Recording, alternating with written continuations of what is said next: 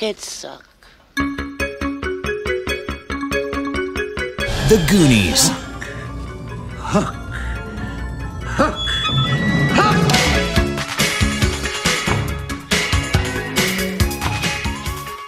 Hallo en welkom bij Julius versus Jasper, de podcast waarin wij elke aflevering weer twee films met elkaar vergelijken. En vervolgens die ene vraag stellen wat als één van de twee moet verdwijnen. Welke mag dan blijven?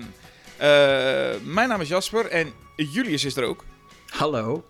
Dag Julius. En Ja. vandaag gaan wij het hebben over nostalgie. Ja, we gaan er het jeugdsentiment put induiken. Ja, een put, en dat, dat zeg je goed, een put. Ehm nostalgiefilms met piraten.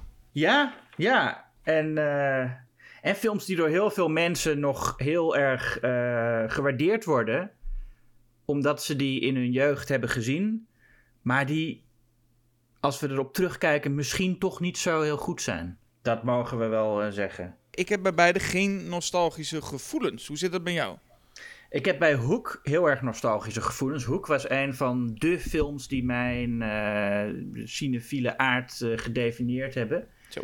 In mijn jeugd was Hoek een van mijn eh, ja, lievelingsfilms. Ik was ook geobsedeerd door piraten. En het was de film waardoor ik Robin Williams wilde zijn. Eh, niet, niet, niet, niet zijn personage, maar echt Robin Williams was mijn, mijn eerste idool, denk ik. Samen met Eddie Murphy. Die twee wilde Dat waren ook de eerste twee film, filmsterren waarvan ik echt een beetje wist wie het waren. Omdat ik ze dan in meerdere films zag. En eh, ja, mijn twee grote voorbeelden. Ik weet nog dat ik zelfs de gezichtsuitdrukking die Robin Williams heeft op de poster van Hook eh na ging doen voor de schoolfoto. Ik, ik Toen zoek met- meteen natuurlijk de poster op van... Oh jeetje.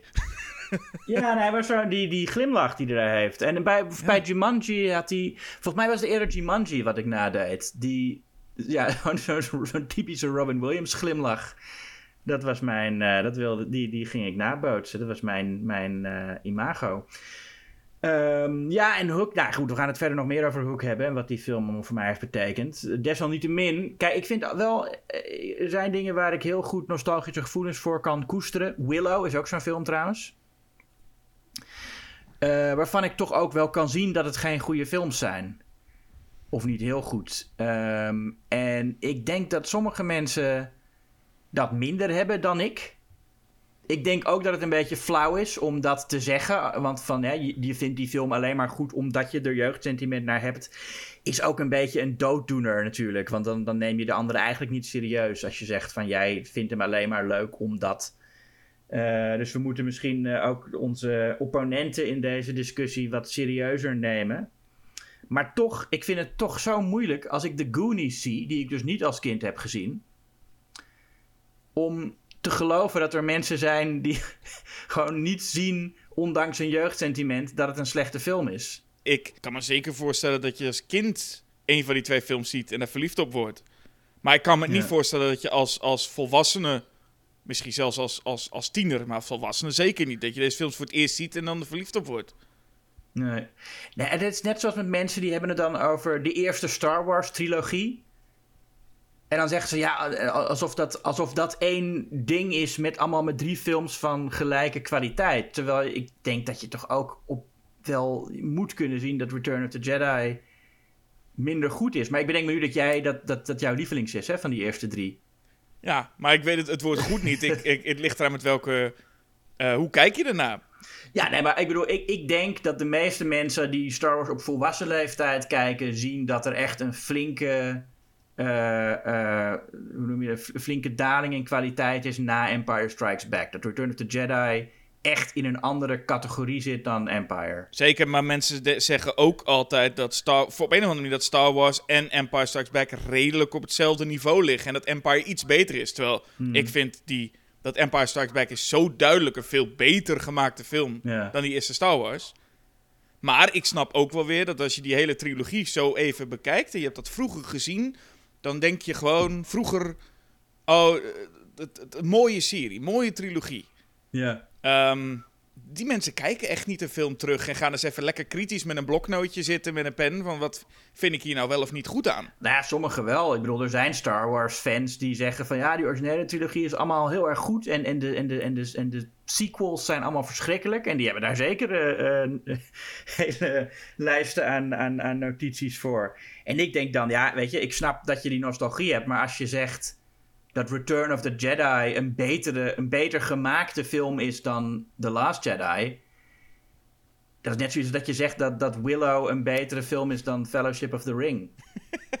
en dan heb ik het niet alleen over gedateerd en, en special effects en zo, maar gewoon echt het, de kwaliteit van het film maken. Daarom heb je voorzichtigere woorden. Ik zou bijvoorbeeld wel mhm. kunnen zeggen dat Return of the Jedi een stuk leuker is dan. Mhm. En, en dan, dan mag ik weer alles zeggen. Maar zeg ik beter, Ja, dan zitten we op gevaarlijk terrein.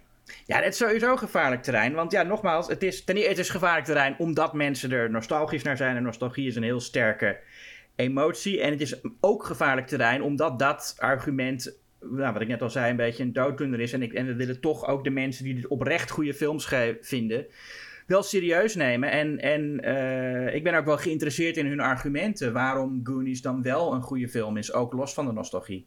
Nou ja, het mogen ook duidelijk zijn dat deze podcast gaat over meningen. Dus ik ga niet me verontschuldigen voor iets wat ik zeg. Maar, oh nee, dat, dat, dat, moet je ook niet doen. Maar uh, het, het, is natuurlijk wel, het zit een beetje in de, in de sfeer van deze podcast. Ik ga het opnemen voor een film en jij gaat het opnemen voor een film. Dus ja, ja, ja, we zullen toch ook positieve dingen moeten zeggen. Nee, zeker. En ik heb ook heel positieve gevoelens nog steeds over Hook. Ah ja, ik niet. Dus, dat komt goed uit. En de Goonies heb ik uh, even moeten graven. Om, om ook wat positiefs te kunnen zeggen. Maar ik zag wel wat dingen. Dus daar kunnen we goed doorheen. Maar mhm. geen fan. Dus ik ben benieuwd hoe dit, gaat, uh, hoe dit gaat worden. Hoewel ik jou in ieder geval, toen ik jou leerde kennen, was een van de eerste dingen die ik volgens mij ooit van jou hoorde, was iets met: Hallo, ik ben Julius en ik haat de Goonies. Heb ik mezelf zo aan je voorgesteld? Zo ongeveer is het in mijn herinnering wel gegaan. Dat ik in ieder geval vrij snel te horen kreeg dat jij echt wel... Maar echt een hekel, Julius. Maar echt een hekel. Ja, nee, maar dat was omdat Vincent uh, was daar misschien toen bij. En, en die heeft ook een hekel aan de Goonies. En, en, en die vindt het heel fijn dat ik dat ook heb. Omdat wij dan... Uh, dus, dus misschien is, het, is dat... Uh, Vincent die dikt dat dan altijd een beetje aan. Maar is dat dan ook een tegenreactie omdat er veel mensen zijn die de Goonies juist een hele leuke film vonden? Ja, ik denk van hem wel, ja. Want ik hoor het dus de laatste tijd niet zoveel meer. Ik hoor de laatste tijd heel veel mensen over... Ik, Willow heb ik niet zo vaak gehoord, maar de Goonies mhm. en, en, en Monster Squad. Allemaal films waar mensen hele ah, leuke gedachten bij hadden. En nu zeggen, oeh, kijk hem maar niet nog een keer. Want dan... Uh, ik, ik denk dat je die gevoelens dan niet meer hebt.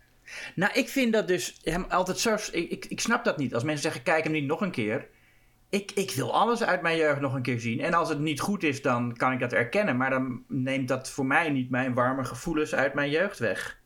Uh, nee, maar heeft het niet af en toe... Ik heb wel eens een film gezien dat ik echt wel een beetje, beetje pijn had...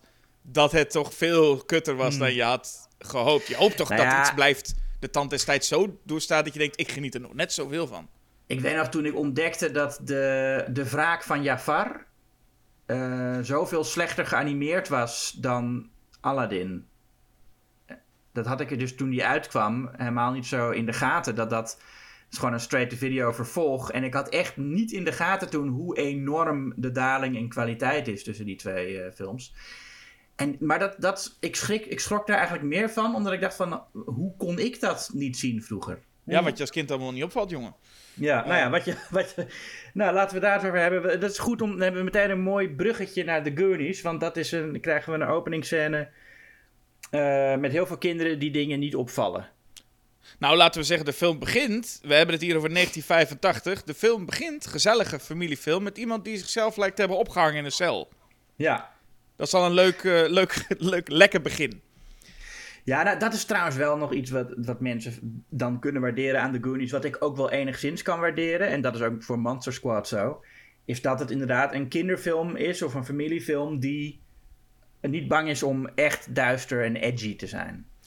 Ja, je kunt bij dit soort films over het algemeen vaak de, de, de tekst. Dat kan tegenwoordig niet meer. Kun je op positieve en negatieve dingen inzetten. Ja. Het is niet altijd goed dat sommige dingen is ook beter dat het niet meer, uh, nu niet meer kan.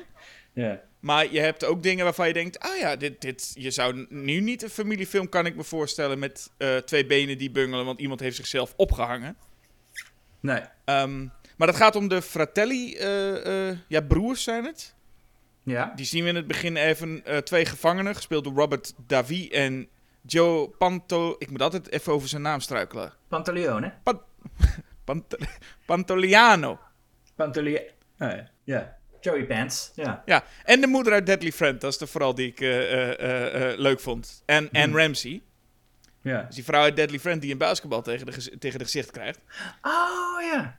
Nou, dat heb ik me niet gerealiseerd. Ja. Nee, oh, dat, dat- zo'n kar karakteristiekere kop ook heeft ze. Ja, nee, ja, maar, nee, maar ja, ik heb Deadly Friend gewoon lang niet gezien.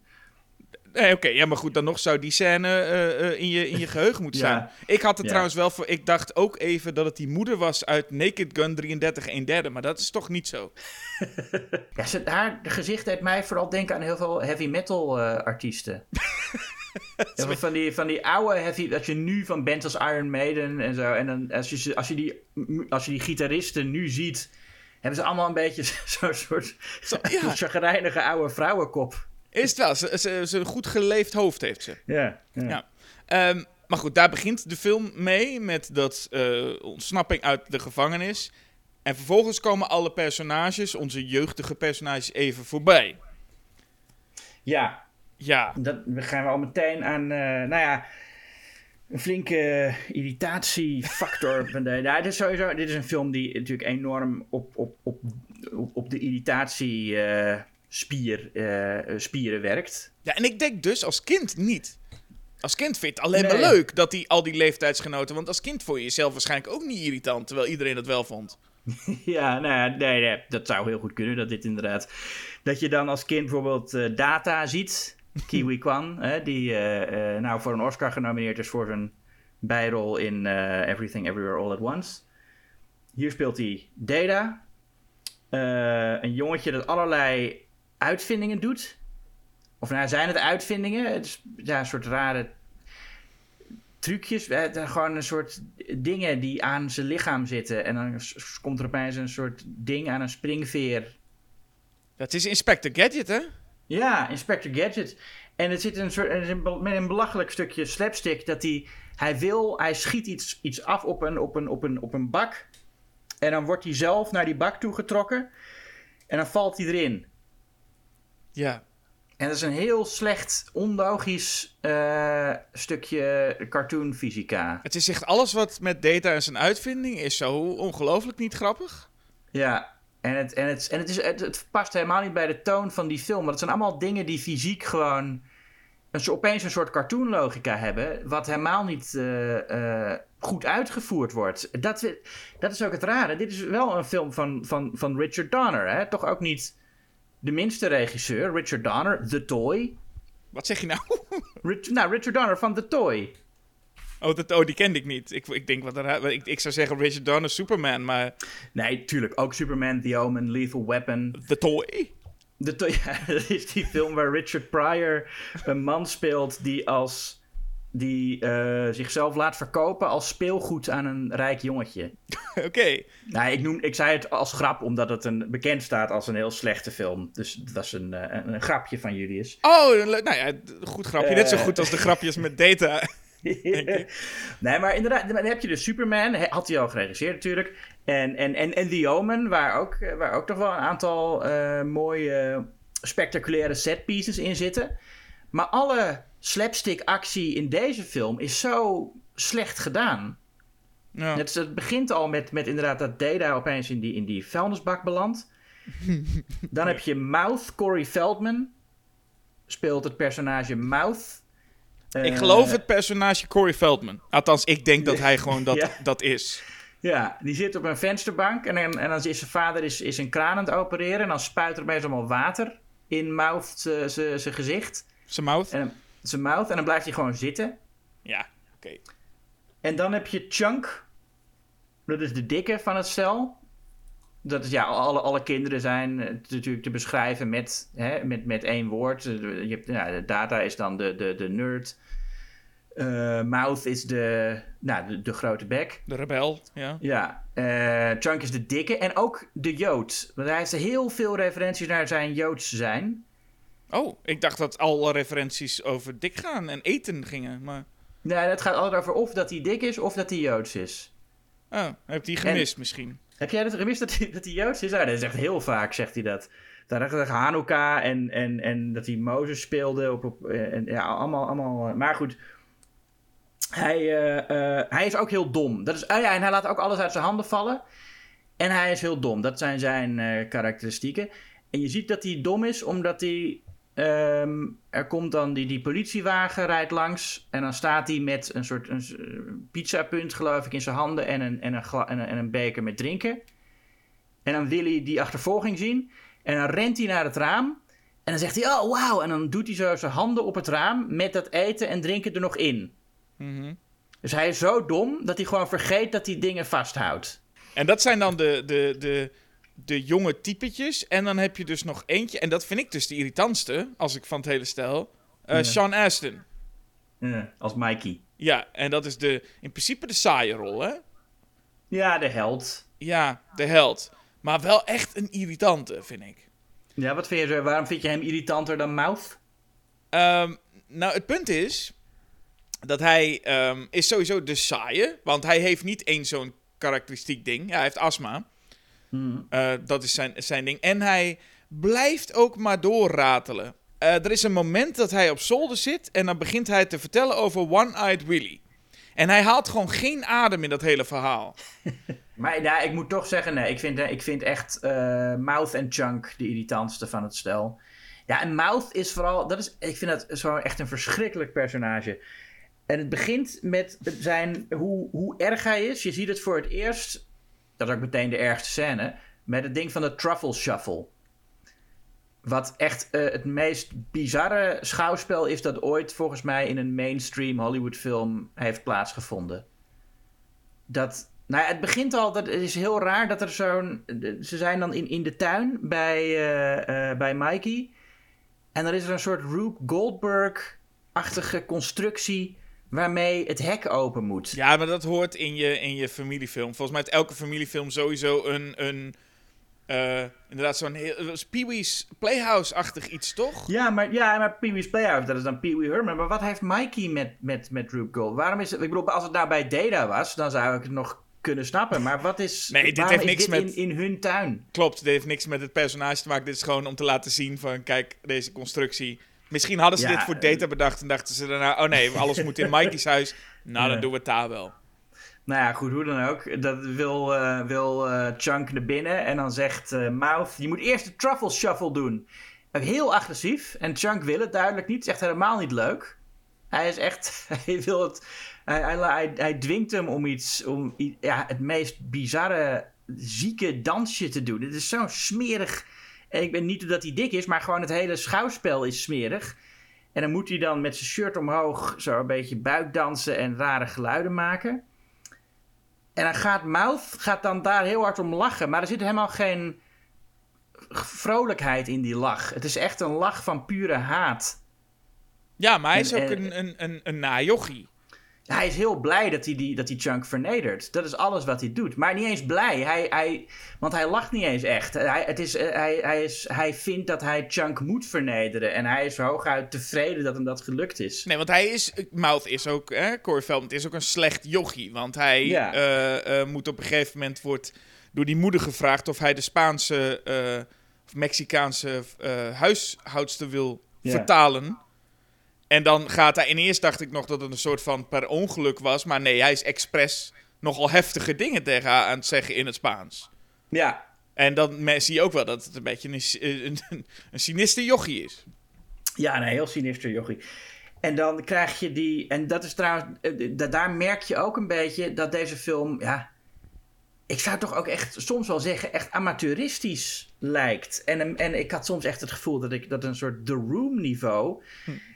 Wat ik zo raar vind van ja, Richard Donner, Chris Columbus... eh, of, eh, eh, en, en, en dan... En dan ehm, Die ene meneer Spielberg. ja, speel, nou ja, speel, ja, maar die alleen als, als, als producent en, en co-schrijver. Maar ja, dat je, je toch met zo'n, met zo'n team.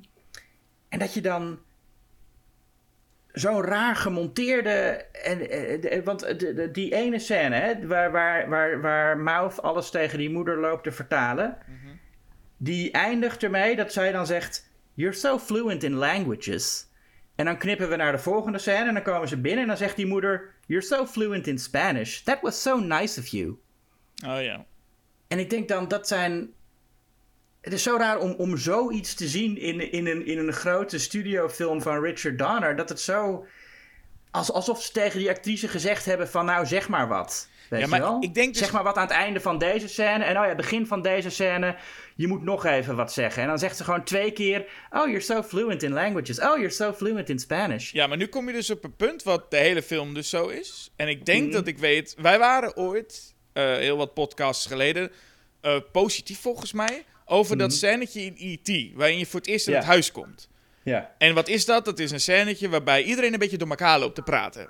Mhm. hey, niet zinnetje voor zinnetje, maar gewoon iedereen lult door elkaar. En hier, ik heb het gevoel dat men hier dacht, dat gaan we ook doen.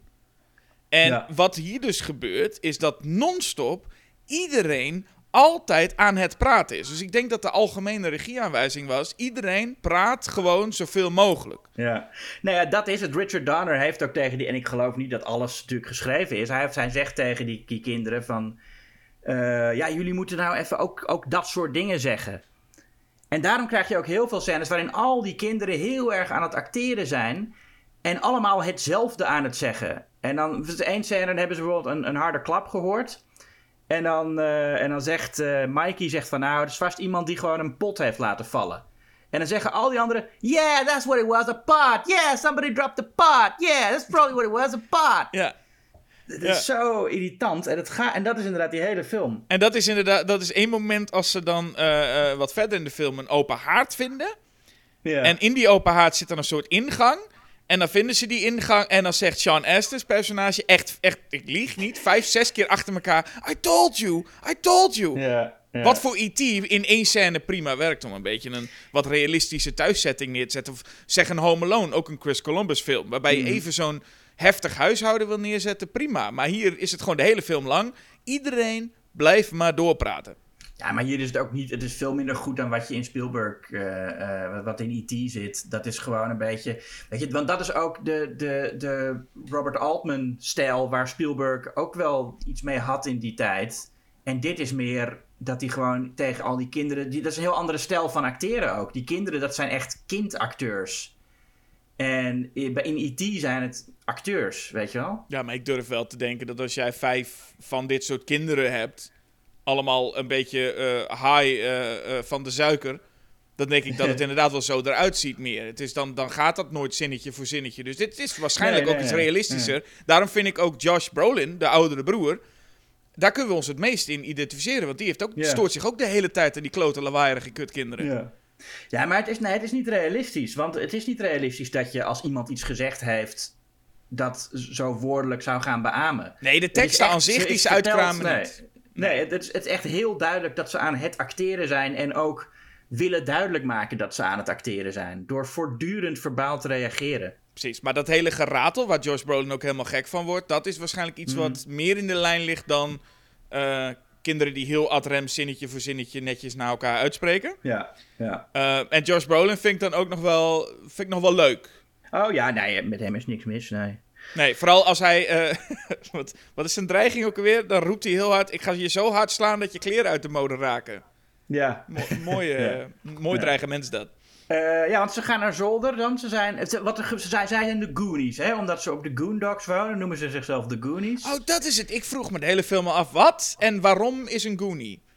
Maar, Ja, nou, dat is, maar dat is een vraag die later ook wel terecht is. Maar in eerste instantie is het, ze zijn de Goonies omdat ze op de Goondocks wonen. Oh. En die huizen die gaan gesloopt worden. Ehm, tenzij er dan ja, ergens heel veel geld vandaan gehaald wordt. Wat ik raar vind, want waarom zou je... Het plan is gewoon dat die huizen gesloopt worden. Dat, hoezo zou dat gaan veranderen als je opeens geld aan die mensen geeft? Ja, er moet nog iemand iets tekenen. Een, die vader. Ja. En dan Ja. is het klaar. Dan is het helemaal rond en dan gaan ze allemaal daar weg. En daar zit vooral Sean Astin volgens mij heel erg mee. Ik heb Ja. echt het gevoel dat de rest het eigenlijk niet zo heel veel kan schelen. nee, die hele, hele Goondocks interesseert die rest helemaal niet. Nee, Sean Astin zit, maar die Sean Ja. Astin die zegt, die, die is non-stop echt flink emotioneel over dit hele feit. Maar ja, de rest gaat wel mee, maar over Ja, maar iemand... wij zien ook helemaal niet wat er nou zo leuk is aan die Goondocks. Want het merendeel van die film gaan ze een grot in. Wat, wat is er nou zo leuk aan die Goondocks? Ja, Sean Astin dacht waarschijnlijk het net, godverdomme, een jarenlang dat hele ding af waar je dat hek eindelijk automatisch open gaat. Ja. en dan moet hij weg. Nou, het is, ik bedoel, ze zitten aan het strand. Dat is dan wel leuk. Ik bedoel, voor een Amerikaanse buitenwijk. Het, is, het ziet er wel mooi uit. Hè? Er is wat groen en ze zitten aan het strand. En het zijn wel leuke oude huizen. Jawel. En ja, en, en, en Data zou anders naar Detroit moeten verhuizen. Wat hij dan heel eng vindt. Snap ik, maar Eh. alsnog zit Sean Astin daar door het meest mee. Ja, Die, ja. die ja. kan het echt niet achter zich laten, volgens nee, mij. Nee, die wil, ook, die wil ook echt Goonies Never Say Die. En die heeft echt een soort idee over wat Goonies dan zijn. Ehm, maar goed, ze vinden dan uiteindelijk... eh, ja, Sean Astin hoopt eh, die, die, die buurt te kunnen redden... door de schat te vinden van One-Eyed Willy. En dan vindt hij op zolder... Nou, dat plan is Eh. eigenlijk nog maar later. Want als ze op zolder gaan, dan wil Sean Astin dat juist helemaal niet hebben. Die, die kinderen die gaan op zolder. Ja, En- nee, oh ja, dat, daar het weer niet. Want, ja, want zijn vader werkt bij een museum... en daar zit allemaal, heeft hij allemaal shit op zolder gelegd. Ja, en ik weet niet waarom, maar Josh Brolin rent dan ook naar zolder. Dat vind ik ook heel Ja. gek. Niet, totaal niet voor hem. maar die rent dan met die kinderen mee. En dan gaan ze allemaal gewoon nou ja, lopen keten. Wat kinderen doen in zo'n oude zolder. En dan is Sean Ja. Astin eerst, eerst van, nee, dat moet je niet doen. Tot ze een soort oude schatkaart vinden. Ja, de- en dat is, dan zit, dan kijkt Sean Astin even naar zo'n schilderij en dan ziet hij meteen al van, huh, daar is iets mee. Ja. En dan denkt hij van, oké, hoe kan ik nou dit schilderij kapot maken? En dan heeft hij daar Chunk voor nodig, want die laat altijd, alles uit zijn handen vallen. En dat is dan zo voorspelbaar dat Sean Astin ook gewoon echt letterlijk kan aftellen tot dat gebeurt. ja. Nou, dan laat hij het vallen en dan komt er zo'n kaart uit. En dan, zeg, en dan staat er het een en ander op over die One-Eyed Willy inderdaad. En dan gaat, gaat, gaat Mikey... Die, die, dan vindt, vindt iemand, eh, voor mij is het Chunk dan, die vindt dan ook nog een krantenartikel over, over die eh, eh, Chester Copperpot. Die ook op zoek is geweest naar die stad, naar die schat. Maar dat vindt hij er is gewoon een krantenartikel dat ergens ligt. En voordat hij ook maar een woord gelezen heeft, zegt hij al: hey, kijk! ja. En dan ga, en begint hij dat voor te lezen. En dan komen ze er, tijdens het lezen komen ze er pas achter dat dat artikel daarover gaat, toch? Dat het met elkaar te maken heeft, ja. Ja. Klopt. Dus dan staat hij, hij ziet gewoon: hey, hier, kijk dit! Ja. Ja. En hij, eh Sean Astin weet er dus van alles van. Want die begint men Mhm. ook te vertellen, hè, wat ik al zei, in zo'n monoloog zonder adem te halen. eh, ehm, over die One-Eyed Willy.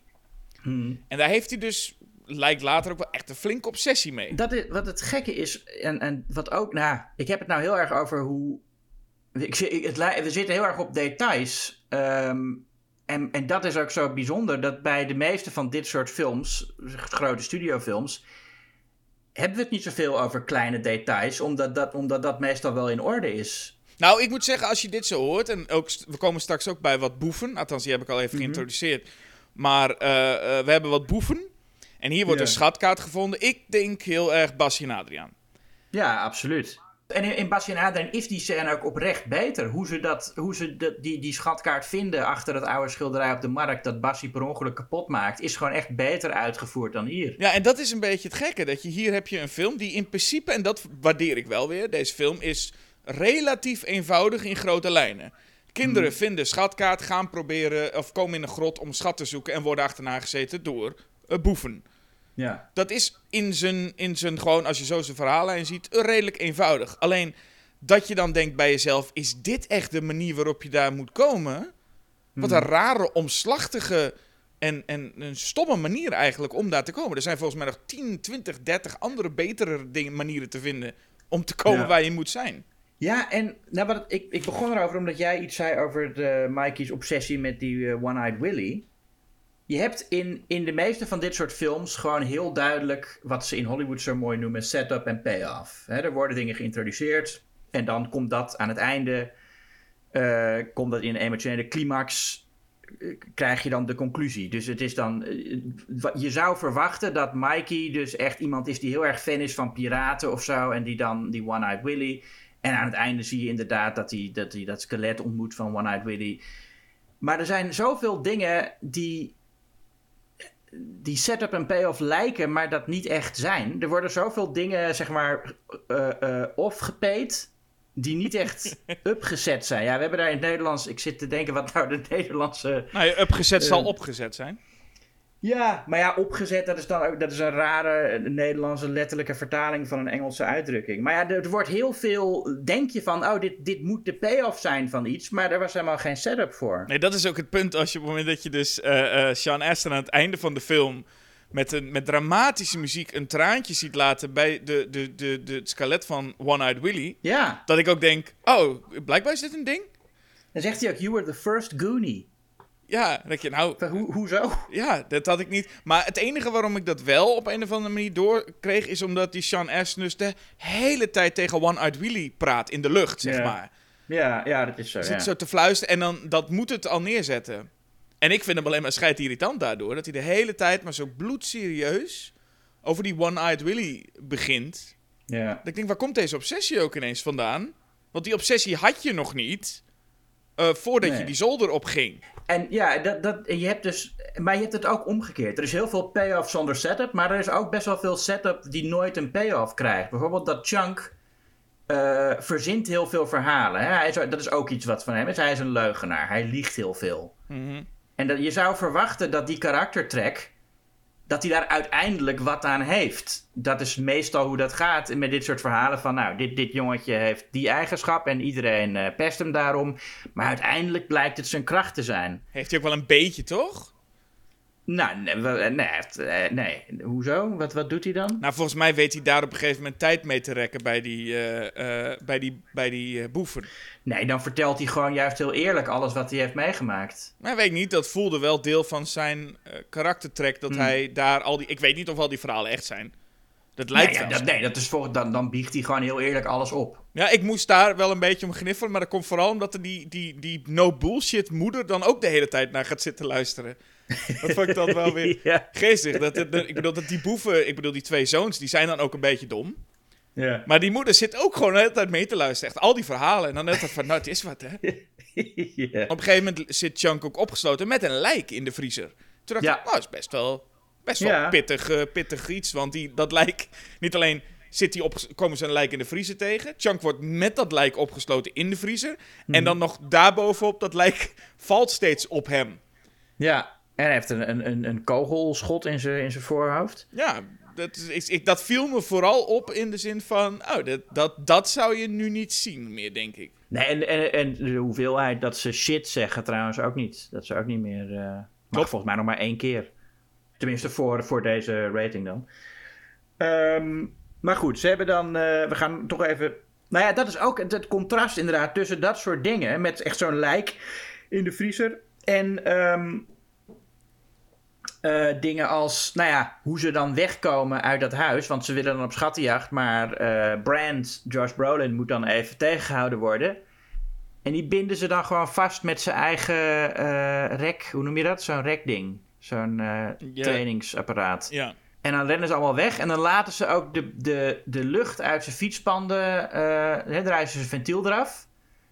En dan gaat hij ze achteraan. En dan moet hij op een roze driewielertje.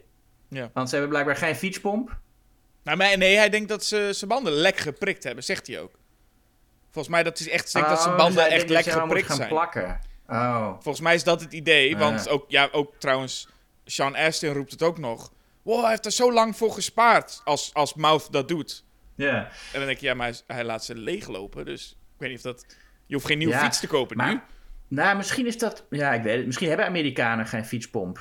Dus als ze een lekker band hebben, is het gewoon, nou, e- einde oefening. Nou ja, je weet maar nooit. Ze hebben ook geen kaasschaaf. Dus misschien hebben ze ook wel geen... Ze hebben heel veel basisdingen, hebben ze daar niet. Wat een conclusie eh, trek je hier nou? Ze hebben geen kaasschaaf, dan zullen ze misschien ook geen fietspomp hebben. Amerikanen hebben geen kaasschaaf. Dat is zo. Nee, dat, ernaar. dat hebben we ook al een En- keer in een eerdere podcast besproken. Maar dat daar Ja. door de conclusie nu ook getrokken wordt. Misschien dan ook wel geen fietspomp.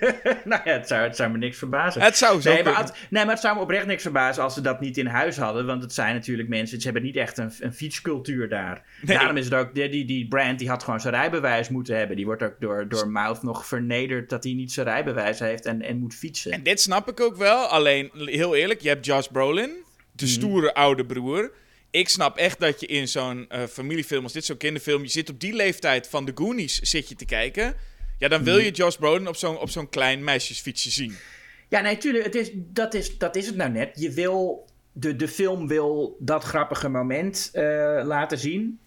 Maar hij heeft niet echt een logische manier om daar te komen. Nee, dat is het ook. Maar dat is, ik, ik weet niet of ze zich daar heel makkelijk van afmaken. Daar lijkt het nu inderdaad wel op. Dat ze gewoon heel makkelijk de hele tijd dingen verzinnen en zeggen: Oh, zo komt het wel goed. We willen personages van A naar B hebben. eh, dan doen we het even snel zo. Ja, terwijl je denkt, ja, ik bedoel, zo'n fiets lopen is dan toch sneller dan op zo'n op, op zo'n klein fietsje. Ja, maar daar gaat het dan inderdaad niet om. Het gaat erom dat ze Ja, gewoon nee, geen ja. logische manier willen verzinnen. Nee, nee. Want er is nog een ander ding. Want op een gegeven moment zit ze dus, eh, eh, moet ze de grotten in. Mhm. En dan heb je dus Josh Brolin en die kinderen. Oké. Maar dan zijn er nog twee dames die met ze meegaan. Mhm. Die komen nog even bij. En we komen zo bij de introductie met die dames. Die, die lopen echt naar buiten en die zeggen: Nou, ik hoef niet meer naar binnen. Daar gaat een van de twee op een hark staan. Die hark gaat, komt omhoog. En daar zit dan iets van vissenkop of zo op. En die twee dames rennen dan keihard terug. Die rennen dan keihard naar binnen en gaan mee de grot in. En roepen dan ook iets met: Ja, er zit iemand achter ons aan. En dan denk je: Ik dacht dat jullie wel een stuk slimmer zouden. Deze, deze personages zouden Ja, een stuk slimmer zijn dan. Ja, vooral die, die andere die niet op die hark is gaan staan. Ja, die ziet die toch gewoon wat daar gebeurt. Ja. En dan maak je ineens je personages die overkomen als, nou, leeftijd Josh Brolin, dus die zijn al een stukje volwassener. Voor de doelgroep zijn het echt volwassen mensen, want je bent eh, leeftijd Goonies, nogmaals. Mhm. En dan maak je ze in één keer zo, zo dom, puur omdat het je goed uitkomt, waar je wil ze weer binnen hebben. Ja, maar sowieso dat hele, hoe ze, dat hele ding met dat ze naar binnen en naar buiten gaan in dat huis, dat is ook al wat ongelooflijk. Want Ja, die klucht in het restaurant is ook gewoon eh, dat je denkt, waar gaan, waar gaan we eigenlijk naartoe? Nou ja, ze, gaan, ze komen naar binnen. Ze worden eerst is die vrouw, die, die, die moeder, die, die dit is een, een, een maffiamoeder en die wil doen alsof zij daar gewoon een restaurant hebben. En dan staan ze daar in dat, in dat restaurant te kijken en dan is opeens die moeder daar die zegt van, nou, zijn jullie er al lang? En dan eh zegt ze, nou ja, we willen wel wat eten. Nou, kom maar binnen dan. En dan laat ze allemaal aan tafel zitten en dan krijgen ze allemaal een, een- een glas met iets erin. Je weet niet wat het is. Het is een soort rare rode vloeistof. En dan zegt ze van, nou, drink maar op. En dan even later... Dan heeft eh, eh, Sean Astin zegt dan dat hij naar de wc moet. En dan zegt ze, nou, dat is ook maar goed. Ga maar naar de wc en dan gaan jullie... Ja, drink, drink maar gewoon dat, eh, dat, dat water op. En dan is Sean Astin beneden. En dan hoort hij en ziet hij allemaal verdachte dingen. En dan rent hij weer naar boven. En dan zegt moeder, nou, en nou allemaal oprotten. Hop, eruit. En dan gaan ze allemaal weg. Maar wa- hoe, wat, hoezo is dat? Wat, wat gebeurt er? Waarom, waarom heeft die moeder ze. Ze wilde, waarom heeft ze überhaupt gedaan alsof het een restaurant is? Waarom zegt ze niet gewoon: Oh, het restaurant is dicht vandaag? Waarom gaat ze eerst die mensen daar neerzetten en zeggen: Oh, we zijn open en hier neem een glas water? En dan, als ze dat bijna op hebben, zeggen: Nou, en nou oprotten allemaal, hup, weg. En ik vond vooral, wat ik vooral frustrerend vond, is wat ik ook met die dames had die daarna binnenkomen rennen met die hark. Er zijn honderd andere manieren om die kinderen een grot in te krijgen. Ja. Dus waarom dit doen? Was het nou echt de moeite waard om dat vieze water scènetje? Was dat nou echt waarvan je denkt, ja, maar we, die moeten toch in, jongens? Ja. We moeten dit erin hebben. Nee, er zijn, ze, ze hadden op wat voor manier dan ook naar binnen kunnen komen. Ja, ik heb dat trouwens ook met die, eh, die scène waarin eh, Troy, dat is dan hiervoor nog. ja, En dan zit, zit Brand op, op, op zijn fietsje en dan komt Troy in zijn auto ernaast met de meiden in de auto. Dan zien we voor het eerst die meiden, Andy en Steph. ja. En dan ja, probeert, Brand, probeert Troy probeert gewoon Brand te vermoorden. Ja, precies. Dat had ik hier Dat- ook staan. Ik had echt die Troy moeten bak in ook hoor. hè. Ja, die zit gewoon. Die heeft hem op dat fietsje en die, hou- die gaat dan, houdt hem zo vast eh, aan zijn hand. En dan gaat hij een eindje rijden. En dan laat je op een gegeven moment los. En dan flikkert Brand zo eh, een, een, een ravijn in. Ja. Dus ook zoiets van, ja, dan wilden ze die scène doen. Maar wat is dan de consequentie dat hier gewoon die gast duidelijk een poging tot moord doet? Want het is niet een, een cartoon-universum. Het is gewoon min of... Ja, het is wel een beetje eh, eh, overdreven allemaal. Maar het is wel min of meer de echte wereld waarin mensen ook gewoon dood kunnen gaan. Maar even, we het even over die Troy hebben trouwens? Ja. Want ik heb er wel echt van genoten. Want op een gegeven moment komt Troy terug. Ja. Eerst op een hele rare scène waarin hij op het toilet gaat zitten. En dan zijn ze in die grot allemaal met, met buizen bezig. Godverdomme. En- ja. En dan spui, spuwt er water en, en Troy vliegt in de lucht. Komt dan op de grond terecht en roept dan heel hard papa. ja. En ik denk, Ja. wat, wat, een- wat een rare scène. Maar ik vind de leukste scène misschien nog wel... b- eh, Troy bij de put. Ja, dat is ook een, echt een onacceptabel toeval dat hij daar is, vind ik. Dat, het kan echt niet. Nee, maar goed. Hij wil graag... Troy wil graag met Andy, de, de, de dame in kwestie die mee is... wil die graag flikvlooien. Ja. En hij gooit dan een muntje in de wensput. Nou, toevallig staan al die, eh de, de Goonies en zo staan al onder die put. Dus dat muntje wordt weer teruggeflikkerd. Nou, op zich een, een klein leuk grapje, vond ik dat wel. Hij wil met Ja. Andy flikvlooien, muntje komt weer terug. Dan Ja. ziet hij dat Andy daar is en hij maakt een deal. Hij staat er met twee vrienden. En hij maakt een deal. Ja, kom maar naar boven. Ik takel je wel omhoog. En vervolgens moet Andy dus in een emmer gaan staan. En dan gaat Troy haar wel even omhoog. En dan denkt Troy, Ja. "Haha, als ze dan boven is, dan gaan we lekker eh, van. Bill. Ja. Maar die vrienden, en ik heb hier eerder een keertje over gehad, maar dat, dat die vrienden, die staan daar toch bij te lachen. en die Troy, die zit dus die, dat, dat emmertje op te takelen. Maar ook die vrienden zitten echt met, oh, die Troy, die gaat toch lekker van Bill zo. Dit vind ik lachen. En dan eh, krijgt Troy op het allerlaatste moment, krijgt hij door, hé, hey, wacht even. Hier zit niet een heel mens in deze emmer. Het is, Ja. het is maar een jas. ja. En die vrienden zie je dan ook meteen helemaal... Oh, oh, ja, nee, oh, dit is heftig. Die lopen dan ook weg, terwijl Troy daar boos over blijft met die lege, met die lege emmer. En dan roept hij heel hard... Oh, Andy, you goonie. En Ja. ik, ik, ik, op, op, op, op zich... Vooral met die twee vrienden erbij... vond ik dit kleine scènetje toch wel een meesterwerkje op zich, hoor. Ik heb ja, er wel echt, erg van genoten.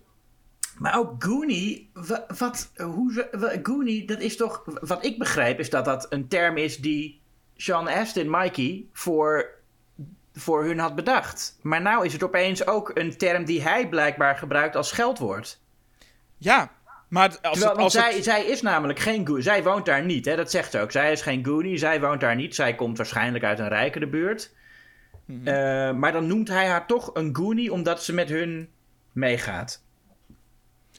Ja, maar wat, Wat- is het dan? wat- Wat is het dan? Nee, inderdaad? maar ik snap, ik snap wel dat hij dat, dat, dat, dat, dat, dat idee is niet. Dat is prima. Dat hij dan vindt hij, oké, jij gaat toch met die andere gasten mee en niet met mij, rijke zoon van een. Van een hè, hij is de zoon van die, van die man die dan eh, die contracten wil tekenen. Eh, dus ik snap, op zich is het eh, geen slecht idee dat hij dan Yuguni roept. Van je hoort nu bij dat tuig. Maar dat is ook weer een iets wat zonder setup gebeurt. Want dat, dat- hij heeft nog nooit eerder is het woord Goonie op die manier gebruikt in de film. Nee. Het is alleen maar Mikey geweest die heeft gezegd: Oh, wij zijn de Goonies hoor. Niemand anders. Dus waar, waar, waar komt dat opeens vandaan? En het, het, het was opgelost geweest als hij gewoon ook maar één keer eerder had gezegd. Als hij Brand een Goonie had genoemd, dan was het al duidelijk geweest wat er aan de hand is, weet je wel. Als hij, gewoon, als hij Brand had gezegd en had gezegd: Hey, Goonie op je kleine fiets. Nou ja, ik, maar ja, dit- dat is toch. Ik moet de neiging weerstaan om eh, de film eh, te herschrijven.